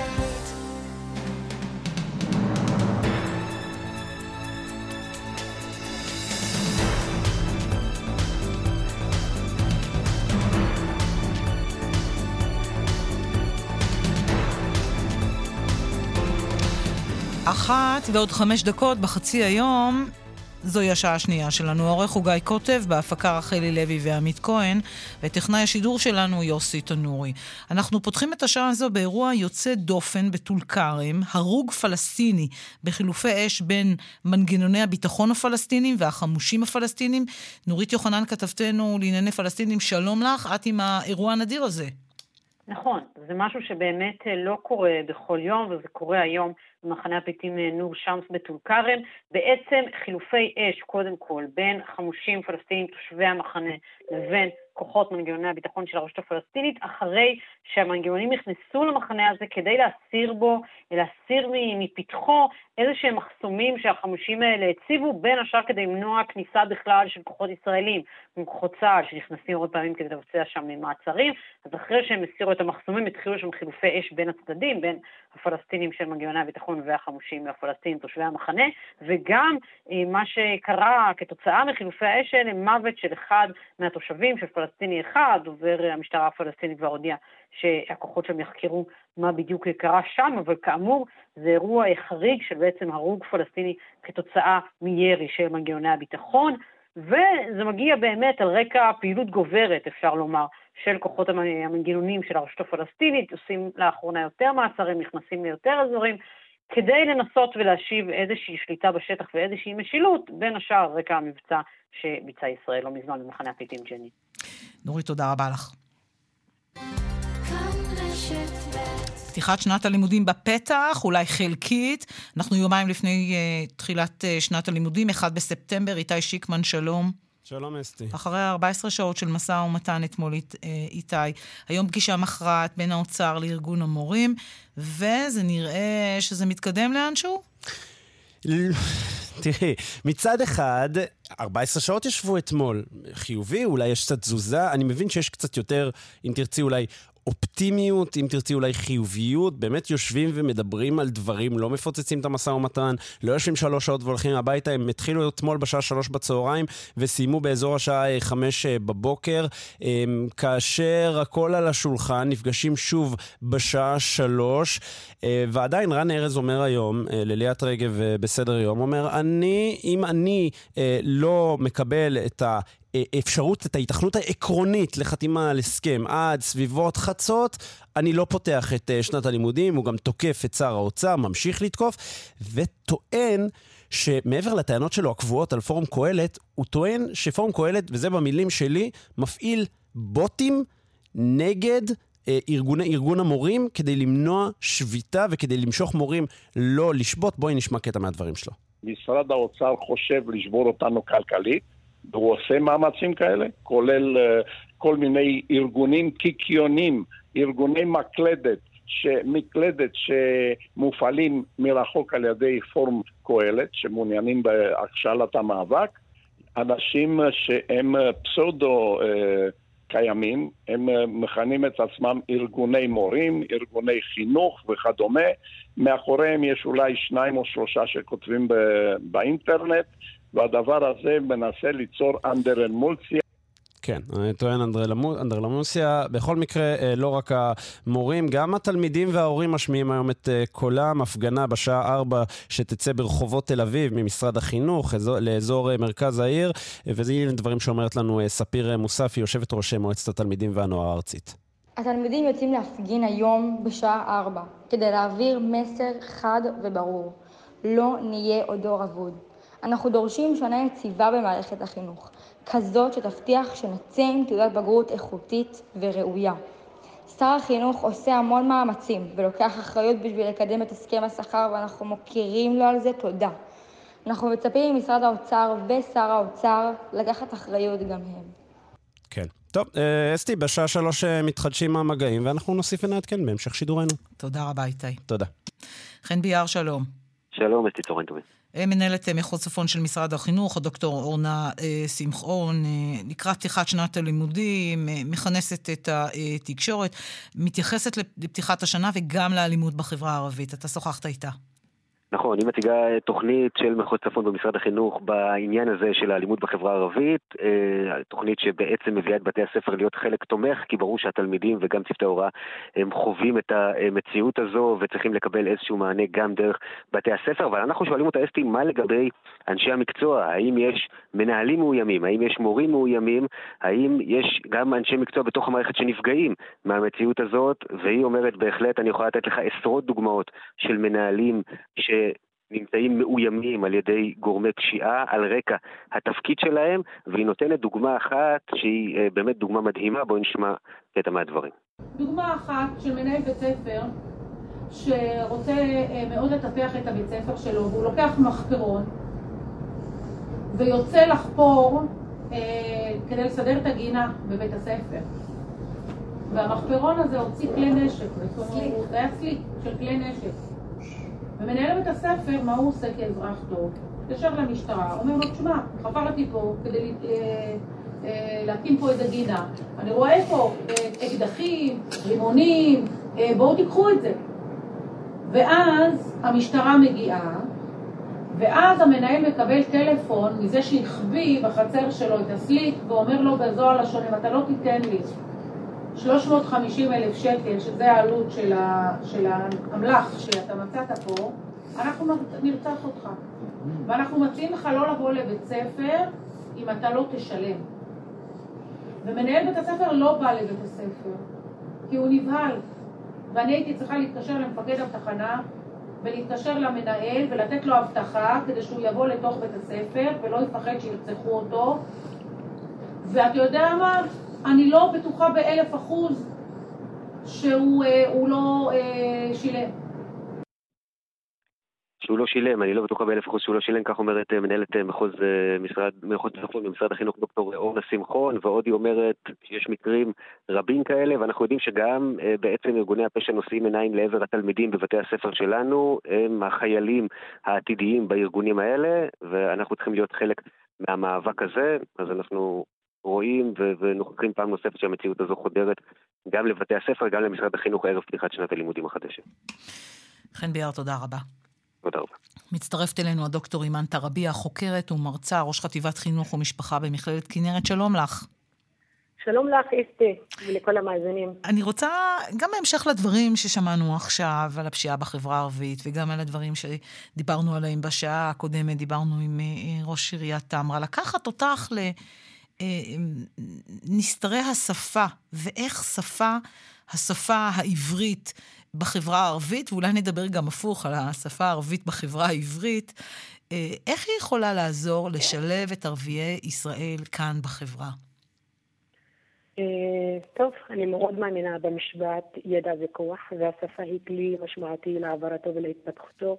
השפה היא חיבור בין תרבויות, השפה גם היא כלי חזק להתפתחות של התקשורת האישית והבין-אישית. וכמובן, השפה גם לתקשר, וכמה אנחנו חסר לנו לתקשר ולהיות באינטראקציה בריאה ונעימה בין כל המגוון של החברה הישראלית. אני מסתכלת על, ה, אה, על השפה בתוך, אה, במיוחד באקדמיה. היום אני מסתכלת על הסטודנטים והתלמידים בחברה אה, הישראלית הרחבה, כשמשתלבים באקדמיה הם צריכים את השפה העברית. השפה העברית היא פותחת להם את הדלתות והשערים של האקדמיה. הכל מתנהל בשפה העברית. ויש חשיבות משמעותית לשפה העברית. מה קורה היום כשמגיעים סטודנטים אליכם, אה, ערבים? הם דוברי עברית? הם דוברי עברית אה, טובה? הם מתחילים ללמוד עברית אה, לפני שהם משתלבים באוניברסיטה? הם... תוכלי לתת לנו נתונים קצת? אני מסתכלת על העברית שמדברים אותה במערכת החינוך. כמובן אנחנו מדברים על רצף, של, על רצף חינוכי שמתחיל בבתי ספר, בכל החטיבות וממשיך באקדמיה. והרצף הזה מתחיל בבתי הספר, ואני רואה שהעברית שמלומדת בתוך בתי הספר הערביים היא לא מספקת את הצרכים של הסטודנט שבונה אה, לאקדמיה הישראלית. אם אני מסתכלת מהניסיון שלי, מה שקורה בתוך האקדמיה, אנחנו מקבלים סטודנטים בשנה הראשונה שיש להם אתגר קשה של השפה. הם בקושי מסתדרים עם המטרות והדרישות האקדמ- האקדמיות, והם אה, נמצאים במחסום כזה שחוסם מהם גם ליהנות מהלימודיו, גם להבין וגם אה, להמשיך את הלימודים. ולא מן הסתם גם יש לנו אה, חלק מהם שנושר. איך זה, תסבירי לי, דוקטור טרביה, איך זה שהחברה הערבית לא באינטראקציה עם, ה, עם, עם השפה העברית ביום-יום? הרי החיים כאן אה, איתנו, עם כולנו. איך זה, איך זה יכול להיות שילדים, בני נוער, סטודנטים מגיעים עם מעט מאוד עברית שאולי הם לומדים בבית הספר? אני גם אה, אני חושבת שהמצב וה, והמציאות הזאת קיימת גם בתוך החברה היהודית. החברה היהודית היא גם לא מכירה את השפה הערבית בגלל שאין אינטראקציה ואין חיבור, ועוד כל האווירה המתלהמת הזאת בתוך המדינה, היא עושה כזה דעות קדומות שהיא מרחיקה בין שני, בין שני העמים ובין שתי החברות. החברה הערבית, אה, אני, אני, החברה הערבית היא לומדת עברית, ואני חושבת שהעברית שלומדים לאורך כל השנים גם אה, בבית ספר היא מבוססת יותר על קריאת כתיבה ועל דקדוק. העברית הזאת שהיא גם לא מאפשרת להם להשתלב באקדמיה.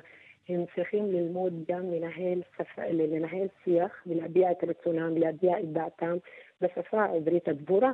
וזה מה שחסר לה, אה, אה, וזה מה שחסר גם במערכת החינוך, ולכן אני קוראת, לה, קוראת למערכת החינוך לשבת עם האקדמיה ולהמשיך את הרצף, הרצף החינוכי הזה ולעשות, לשנות בתוכנית הלימוד אה, עברית בתוך החברה הערבית, שזה יהיה הולם ותואם את הצרכים של האקדמיה ולתת להם להשתלב באקדמיה וגם שזה מביא להשתלבות בשוק התעסוקה וכולנו בסוף נהנים מהזירות האלו.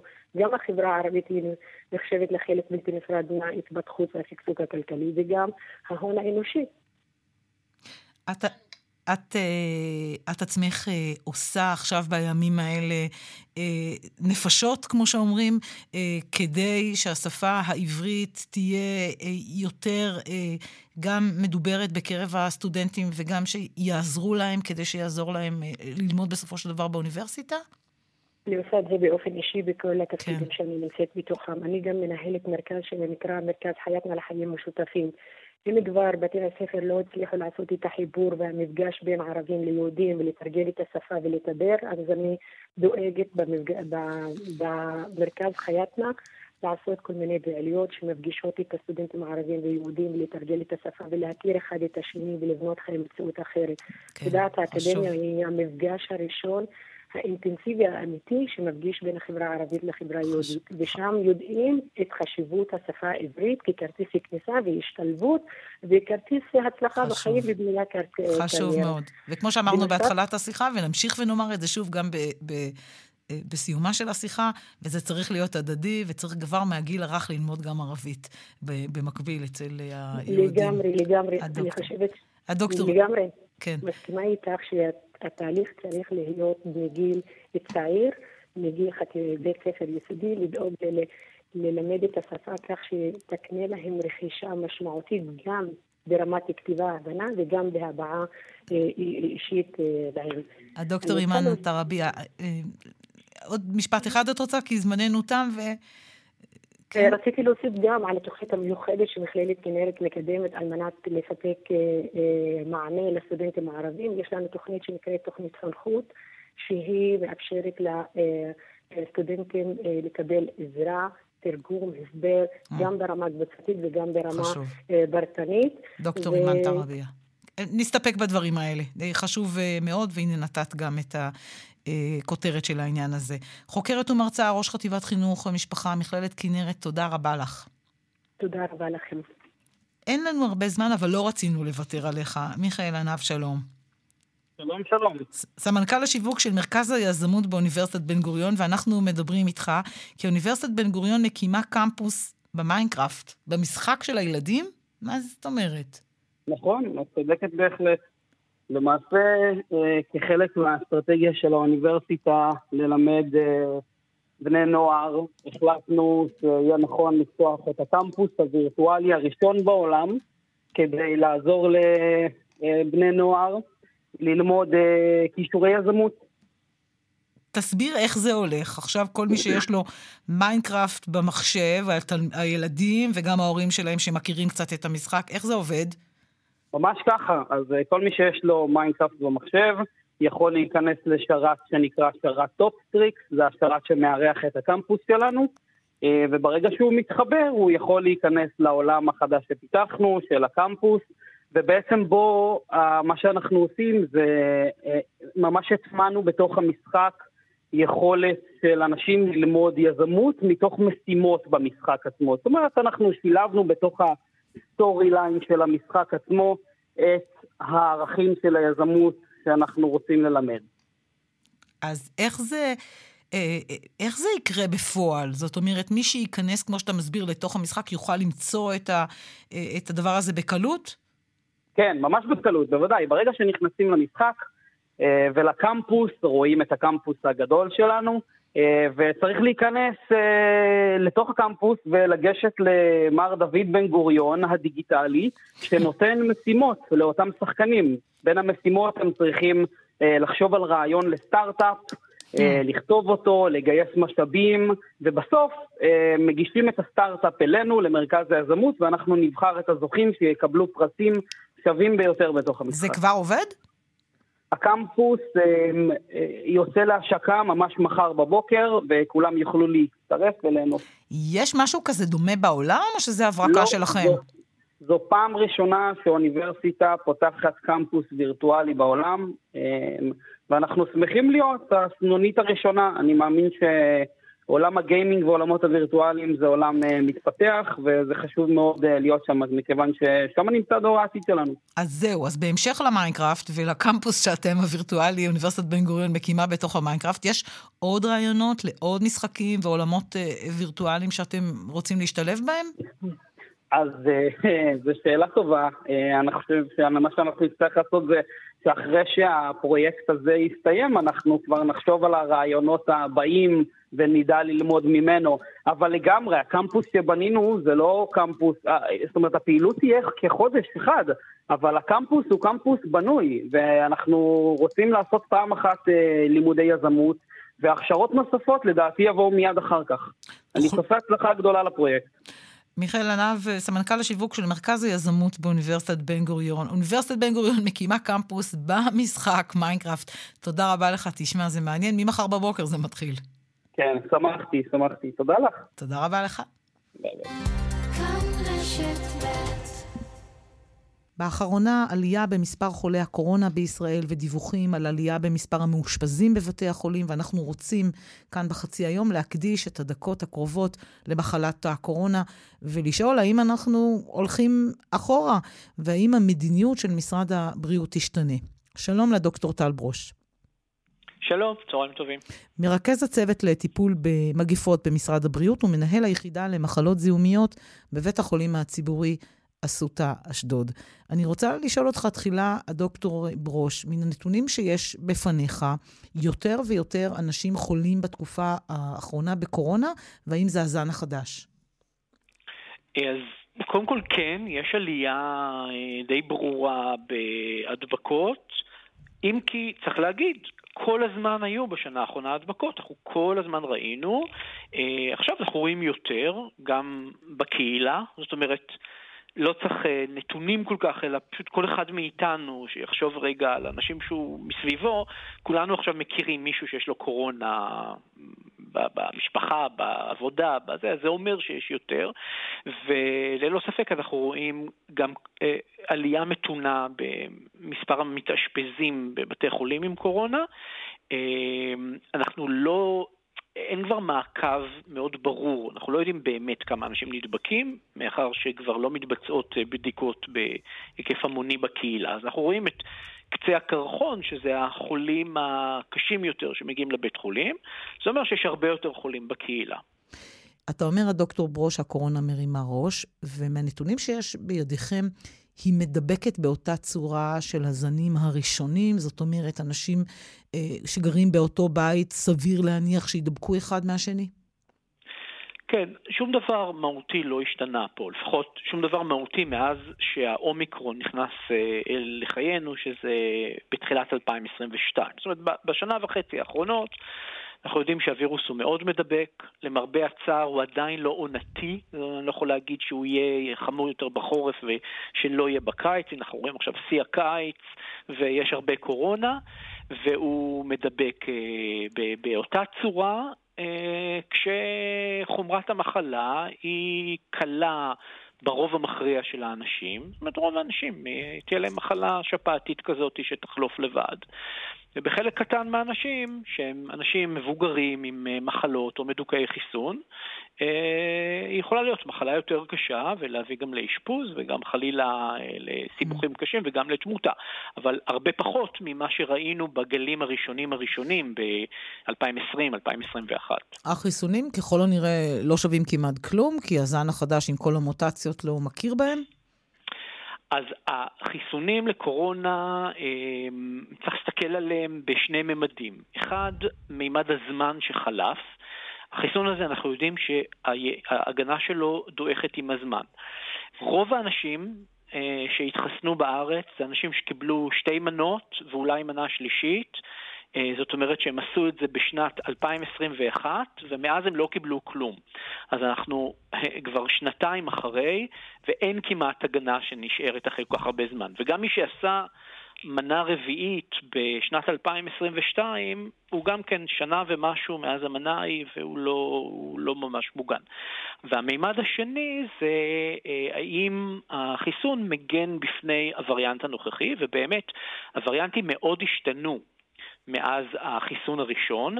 החיסון שנתנו בשנה שעברה, אה, בסוף 2022, אה, החיסון הביוולנטי, אה, שמעט מאוד אנשים בישראל קיבלו אותו, הלכו לקבל אותו בעיקר אנשים מבוגרים, זאת המנה החמישית מה שנקרא, אז הוא, הייתה לו, יש, יש בינו יותר דמיון למה שקורה כרגע, אבל גם הוא מאוד מרוחק, וזה מצריך לשנות את החיסון, ואכן הבוסטר הבא שיבוא עלינו לטובה אה, אוטוטו, אה, אחרי החגים, מה שנקרא, ב, אני מניח בסוף אוקטובר או בתחילת נובמבר, אה, הוא יתחיל להינתן גם בארץ, אבל גם בהרבה מקומות אחרים בעולם.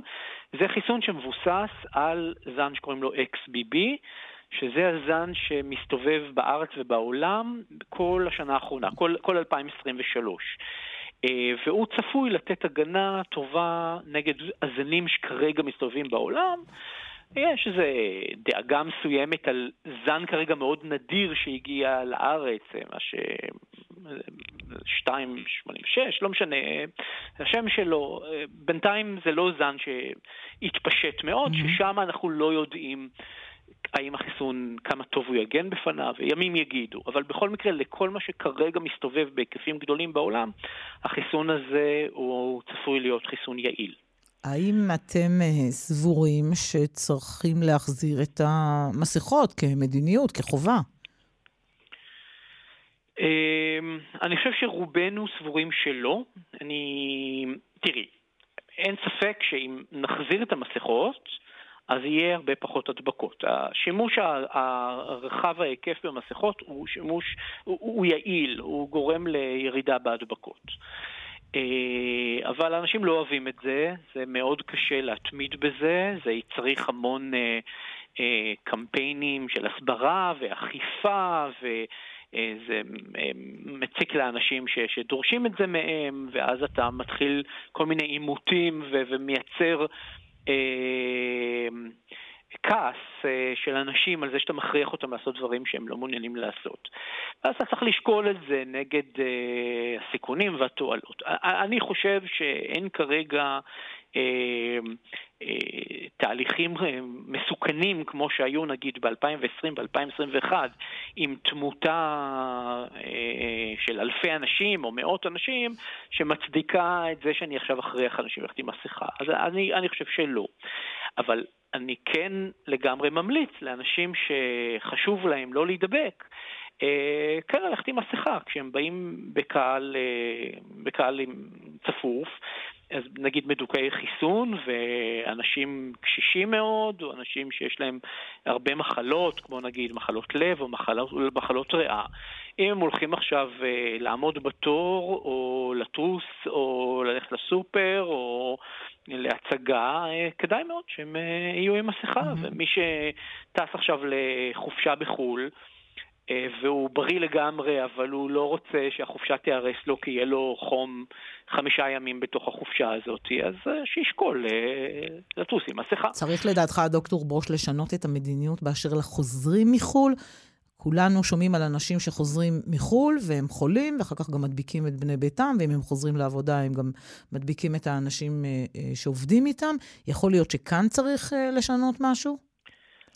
גם, אני, אני חושב שלא. זאת אומרת, אני, אני חושב שזה חשוב שתהיה מודעות לזה שכרגע יש הרבה קורונה בעולם וגם בארץ, ותמיד נסיעה לחו"ל היא אה, גורם סיכון להידבקות במחלות מדבקות, כי אתה אה, נוסע, אתה נפגש עם המון אנשים, בעיקר אה, כשאתה עושה את כל המעברי גבול ואת כל התורים, גם בטיסה וגם בבילויים השונים שאתה עושה בחוץ לארץ, אז הרבה אנשים שחוזרים מחו"ל חוזרים עם מחלות מדבקות, כולל עם קורונה. אני לא חושב שאנחנו צריכים לעשות דברים שאי אפשר להתמיד איתם. אה, זה לא הגל האחרון של הקורונה, יהיה לנו עוד הרבה כאלה. אה, וזה חשוב שאנשים יבינו שאם הם חוזרים מחו"ל והם מרגישים לא טוב, אז הם צריכים להישאר בבית ולא ללכת לעבודה, ובוודאי לא ללכת ולבקר את הסבא והסבתא שלהם. ובכלל, אה, אנשים צריכים להביא את הקורונה בחשבון אה, כשהם באים במגע עם אנשים בסיכון. לדוגמה, זה בלתי סביר להחריד שאם אה, לילד עכשיו בסוף אוגוסט יש חום ונזלת, לשים אותו אצל הסבתא כן. בת ה-80. אה, וגם לא לבדוק אם יש לו קורונה, כי, כי אה, עדיף לא לבדוק. גם את זה אתה שומע. כמובן לבדוק, אבל, כן. אבל בוא נגיד, זה לא הגיוני שדווקא הסבתא תידבק כי ההורים צריכים ללכת לעבודה, שזה קורה לא מעט. אני אני חושב שעניין המודעות הוא מאוד חשוב, לא צריך להיכנס להיסטריה. כל הזמן הייתה קורונה בשנה האחרונה, במספרים שונים. יש עכשיו בהחלט עלייה, אבל זה לא איזה עלייה נורא נורא דרמטית, אבל כדאי שאנשים יביאו את זה בחשבון. כי אה, אנחנו נכנסים... לאיזה תנודות קיצוניות במצב רוח שלנו, גם אנשי המקצוע, גם הרופאים. עכשיו אנחנו היסטריים, אנחנו כולנו מדברים וממליצים על המסכות וכולי, ועוד uh, חודשיים, uh, כשתהיה איזושהי ירידה בתחלואה, אז אנשים פשוט שוכחים לחלוטין מהמחלה הזאת, ואנחנו רואים הרבה אנשים שהם חולים, אנשים שצריכים לקבל טיפול. Uh, לא אנשים צעירים ובריאים, אלא אנשים שבאמת יכולים להסתבך עם קורונה. יש טיפול לקורונה, יש לנו היום טיפולים טובים, יש תרופות יעילות שמפחיתות את הסיבוכים באופן מאוד מאוד משמעותי. אנשים מתעלמים מזה, וגם הרופאים שלהם מתעלמים מזה. יש להם, מי שכרגע יש לו חום ונזלת ושיעול, קרוב לוודאי שיש לו קורונה, הרבה יותר מכל דבר אחר. ולכן יותר סביר ללכת לעשות בדיקה לקורונה ולשקול לתת טיפול לקורונה, מאשר נגיד לבקש ולקבל אנטיביוטיקה.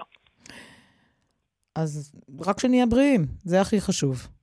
ועם מודעות, וכמו שאמרת, לא בהיסטריה, אבל אם אפשר, עם שיקול דעת. אם אפשר, עוד משהו אחד קטן, זה בבקשה. בקשה. כן. אה, יש לנו אנשים מדוכאי חיסון אה, שנדבקים בקורונה, למשל אנשים מושתלים, או אנשים עם אה, סרטנים מסוימים, ובשביל, האנשים האלה יכולים להסתבך כעוגן מקורונה, ובשביל לטפל בהם, אנחנו נותנים להם פלזמה של חולים שהחלימו מקורונה. אה, זה תהליך שאנחנו עושים אותו כבר הרבה זמן והוא עובד אה, מעולה. אה, ובזמן האחרון אין יותר פלזמות. יש כרגע אפס מנות פלזמה של מחלימי קורונה בבנק הדם. אנחנו זקוקים, לא צריך המון, אבל אנחנו זקוקים לאנשים שהחלימו, גברים או נשים שלא היו אף פעם בהיריון, שהם צעירים ובריאים והם החלימו מקורונה בזמן האחרון, לפנות לבנק הדם המרכזי של מד"א בשביל לתרום פלזמה ושנוכל לטפל באנשים האלה. חשוב, והנה בקשתך נשמעה. דוקטור טל ברוש, מנהל היחידה למחלות זיהומיות באסותא אשדוד ומרכז הצוות לטיפול במגפות של משרד הבריאות, תודה רבה. תודה. עכשיו אחת ועוד כמעט 34 דקות. אחרי הפרסומות, תעלומת התעלות העתיקות בעיר דוד. בשבוע הבא תיפתח בירושלים אה, חפירה שחשפה תעלות בנות כשלושת אלפים שנה, מתקופת בית המקדש הראשון, שתעלומה אופפת את מטרתן. הדוקטור יפתח שלו, חוקר בכיר ברשות העתיקות, שלום. שלום, אסי. אה, ספר לנו על התעלות האלה, שהן ייחודיות מאוד, נכון? נכון, באמת מדובר בממצא אה, ייחודי. אנחנו מדברים על אה, חפירה שנעשית במקום שנקרא חניון גבעתי בעיר דוד בירושלים, החפירה עצמה כבר מתנהלת שנים רבות, אבל התגלית באמת התגלתה אה, בתקופה האחרונה. אנחנו מדברים על אה, מתקן גדול מאוד, שכולל סט של תעלות, חלקם פונות לכיוון צפון, חלקם לכיוון דרום, ומדובר במתקן שלא נמצאו לו עד היום מקבילות מדויקות, כך שאנחנו לא באמת יודעים מה נעשה בו. איך אה, אה. ניסיתם לגלות מה, היה, מה הייתה מטרת, ה, אה, מטרת המתקנים האלה? באיזה דרכים? האם נתגלו בתוך התעלות האלה איזה שהם ממצאים שיכלו לעזור?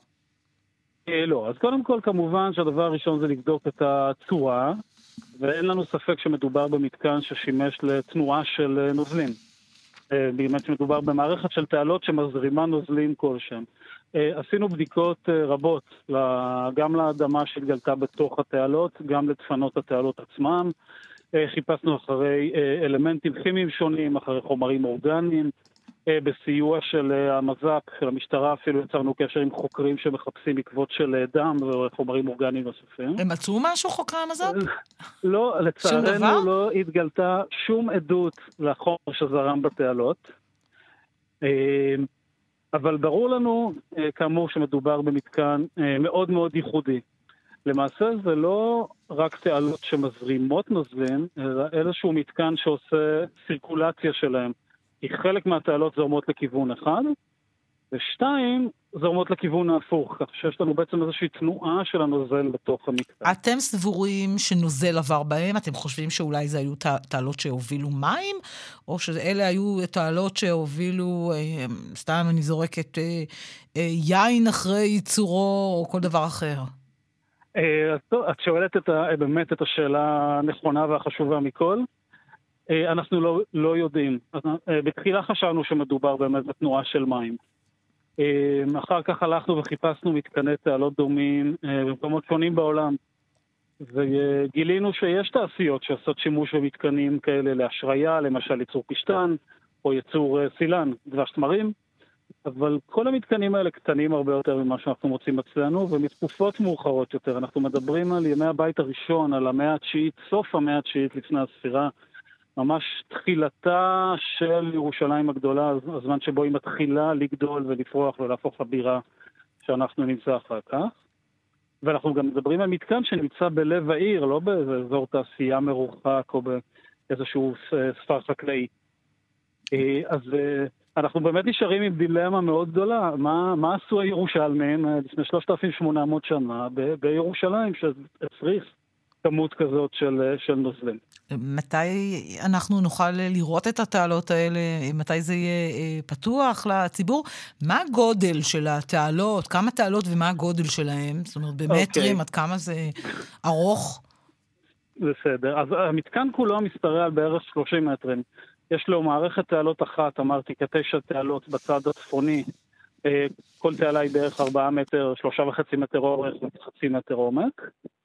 אה, וסט נוסף של תעלות בחלק הדרומי, וביניהם יש משטח סלע גדול אה, חלק.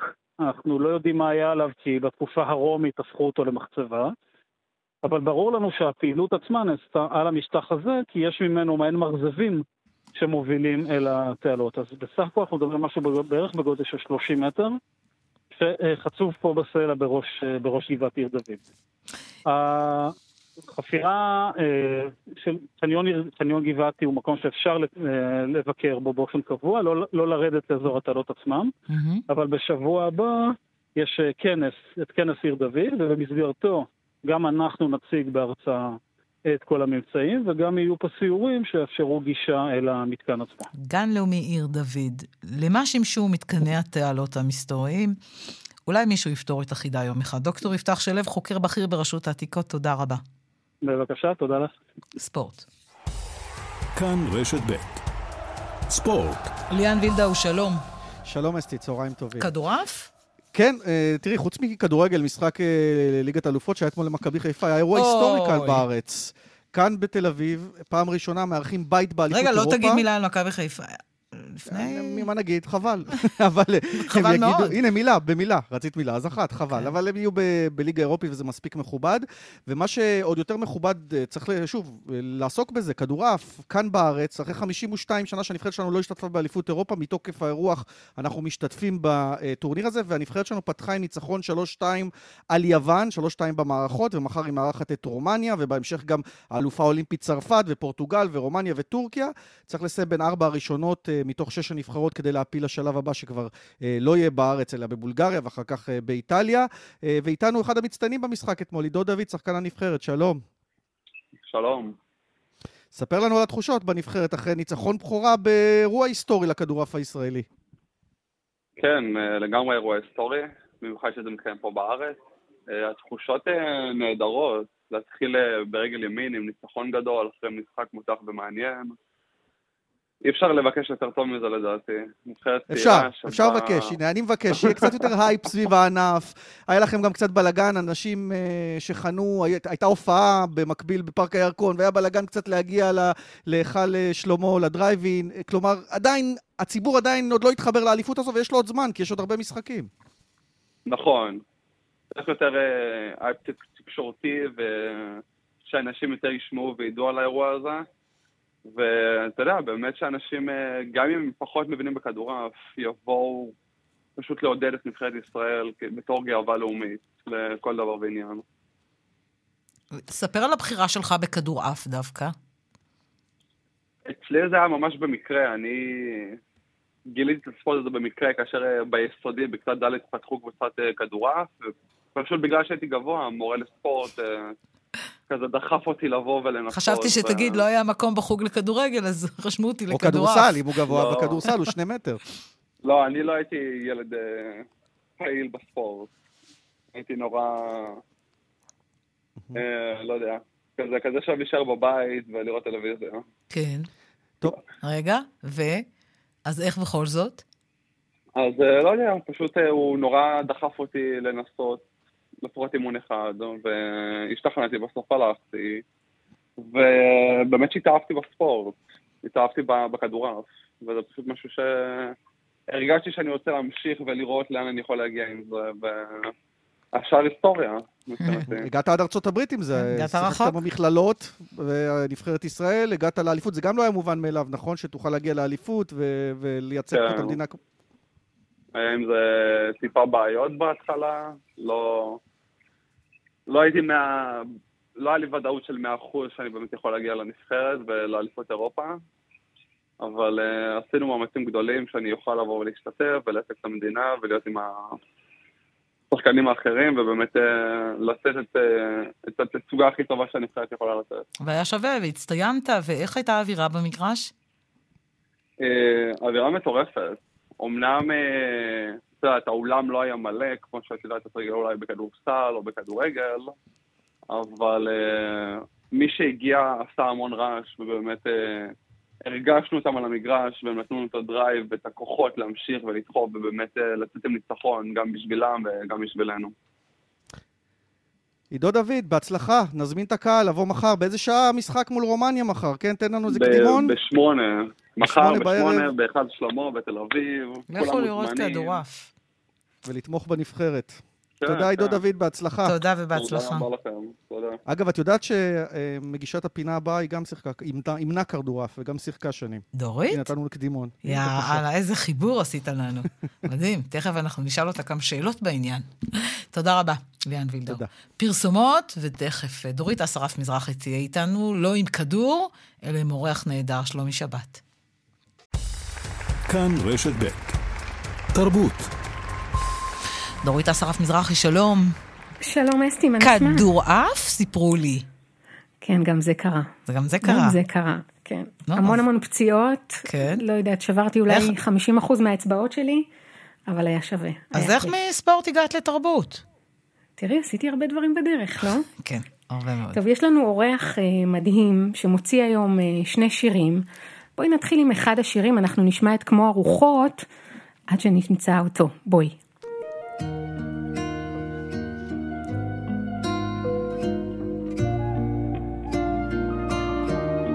תשני את דעתך, היום או שמחר. שלומי, איפה אתה, שלומי?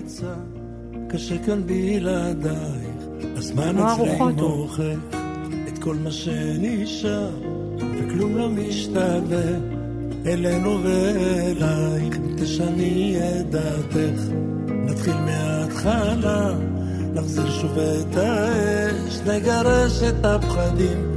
שלומי, שבת שלום. שבת שלום. שבת שלום גם לך. הקפצת לנו את הלב, גם לי וגם לדורית. למה?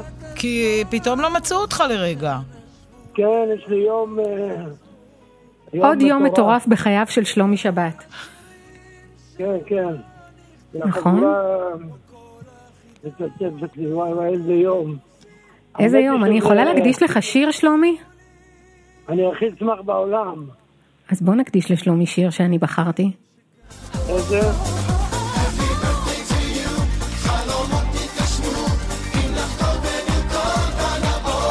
מה אתה חושב, שנתעלם מזה שיש לך יום הולדת היום? חשפת אותו, מזל טוב שלומי, בריאות. יום הולדת שמח. זהו. מה, זהו? זהו. כל כך הבהלתי אותו עם השיר? לא, יש לו יום עמוס, נעלם. שלומי, אתה איתנו? תראי מה זה, יום הולדת כל כך הביכה אותו, זה ממש מתאים לו. מה שמזל זה כשמראיינים זמר, שאפשר מיד לחזור למוסיקה. כמו השיר אחות. שלו, בואו ננסה להעלות את שלומי שבת. אני מקווה שהוא לא בנסיעה. יש לנו אה, היסטוריה לא טובה עם זמרים שמתראיינים אצלנו והם בנהיגה, כן, כן. ומקווה שהוא לא, לא נוהג ושהוא תכף יעצור. אנחנו נמשיך לשמוע את... את כמו ארוחות, כתב אותו נועם חורב. אה. בדרך כלל שלומי כותב או מלחין, והפעם אה, נועם הוא לא, הוא הוא נתן. לאחרים, אה, כן, כן, הוא באמת אה, נפלא. והנה הוא חזר, שלומי חזר. זהו, זהו, הפעם חזרתי ואני ממש לידכם. יופי, מצוין. איפה אתה? אז תעלה לקפה. אני עכשיו ביהוד, בעיר הולדתי. אה, באתי לבקר את כל החברים של פעם. איזה כיף, איזה יופי. אז ספר לנו עוד פעם. על השירים החדשים. עוד פעם הטלפון, אה, הטלפון של שלומי אה, נפל לנו. טוב, זה... זו אחת השיחות היותר מצחיקות שהיו לנו. אז בואו נמשיך לשמוע את השיר. אסתי, אני אספר לך שהוא הוציא היום אה, שני שירים, ויש להם קליפים מאוד מאוד מושקעים שהוא צילם באינדונ... באינדונזיה, בבלי. וואו. מדינה שאין לנו איתה קשרים, כן. אבל הוא נסע והקליט שם את השירים וצילם שם קליפים. מעניין, למה דווקא שם? באמת, באמת באמת יפים. איזה מין תירוץ נהדר זה לנסוע לאינדונזיה. לחודש, לא, אני צריך לצלם- אסתי. אני צריך לצלם קליפים. טוב, סע. נכון, אני אמרתי אני צריכה לצלם כתבה, אבל זה לא קרה. אני חייבת לצלם משהו בניו זילנד, חייבת, משהו למשדר שלי, משהו קטן. שלומי שבת, אנחנו חוזרים אליך, תגיד, למה הקו איתך נופל כל הזמן? הוא מתרגש. אני רק מדבר, אני לא עושה כלום. אבל אתה נוהג? אני נוהג, כן, לעצור בצד. אז תעצור בצד, הנה, פתרנו את הבעיה. תעצור שנייה בצד בזהירות, אם יש לך שם נקודה, יופי. אוקיי. יופי, ותהיה איתנו שתיים, שלוש דקות בנחת. החברים מהבית יחכו, וספר אוקיי, לנו... למה, אה, למה ניו זילנד, למה לא אינדונזיה? אה, גם אינדונזיה טוב לי, אבל אני לא יודעת, איך היה לך שם, תספר. אני אגיד לך אה, את האמת, באמת, בכנות, אני, אין לי את המילים המתאימות לתאר את המקום הזה, זה מקום אלוהי, פשוט אה, שלוות נפש, הגוף, המוח, האוכל המדהים, הנוף, הג'ונגלים, האנשים. זה הזכיר לי את האנשים של פעם, שהיינו פעם, שהיה פעם טוב ולא ידענו. אנשים טובים כאלה, הדלתות שלהם סגורות אבל לא נעולות. אה, כיף, כיף, מזג אוויר מדהים. וככה עלה גם הרעיון לצלם שם את שני הקליפים למתנה שעשיתי לעצמי ליום הולדת. איזה יופי. חלום ישן וכמו ארוחות, תספר לנו על שני השירים האלה. הש, שני השירים האלה, הפעם להבדיל מכל השירים שלי, אני, אני לא מעורב בהם אה, מבחינת אה, אה, טקסטים ולחנים והפקה מוזיקלית. נתתי לדור הצעיר והמוכשר להגיד את שלו, ובאמת יש לנו, גדל לנו כאן אה, דור באמת מוכשר, ווואלה, אחלה תוצאה, האמת, אני חייב להודות. עם כל עם כל הכאב הזה שיש בי, שתקופת האולפנים אה, אה, נכחדה, והיום כל אחד יש לו אולפן אה, באוטו, בשירותים, בבית, בחדר שינה, ומוציאים חומרים, זה נשמע מדהים האמת. זה באמת נשמע מדהים, שלומי, ויש לך עוד משהו. אתה פותח בקריירה חדשה, קריירת משחק. אני לא חושב שאני פותח בקריירה, אני חושב שזה היה חד פעמי כזה. רגע, אתם יכולים לשתף גם אותי בסודות של שניכם? כן, כן. כן? מה זה הקריירת. משחק? אני משחק בסדרה חדשה שעומדת לצאת בחודש הבא, אחרי החג. אה, הסדרה נקראת מג"ב, אה, סדרה ככה אה, אקשן, ו- ולי יש שם, לא יודע אם מותר לי לספר או לא, אבל אני רגיל לעשות טעויות בחיים. אז יש לי שם איזה קיוסק ואני משחק טורקי, כזה מבוגר כזה, שזה הכי קל לי בעולם, בגלל זה לא הרגשתי שאני משחק, פשוט נכנסתי לדמות של אבא שלי. וזה היה לי כיף, זה עולם אחר, זה משהו אחר. איזה יופי, איזה מרגש. שלומי שבת, בקרוב גם אה, בתפקיד אה, בסדרה על מג"ב, כשחקן, עכשיו עם שני סינגלים חדשים, ויום הולדת, מזל טוב. ותודה וואו. רבה שהיית האורח שלנו, תיסע בזהירות, שלומי. מחר בעשירייה, שלומי שבת. תודה, שלומי. ובריאות, כי זה הכי חשוב. נכון. גיא קוטב ערך את בחצי היום, בהפקה עמית כהן ורחלי לוי, יוסי תנורי ואיר ניומן טכנאים, שמעון דוקרקר בבאר שבע, נעמי, אה, נעמי בוטון בדיגיטל, מיכל רשף מיד אחרינו עם השעה הבינלאומית, אני אסתי פרז בן עמי, שלום. את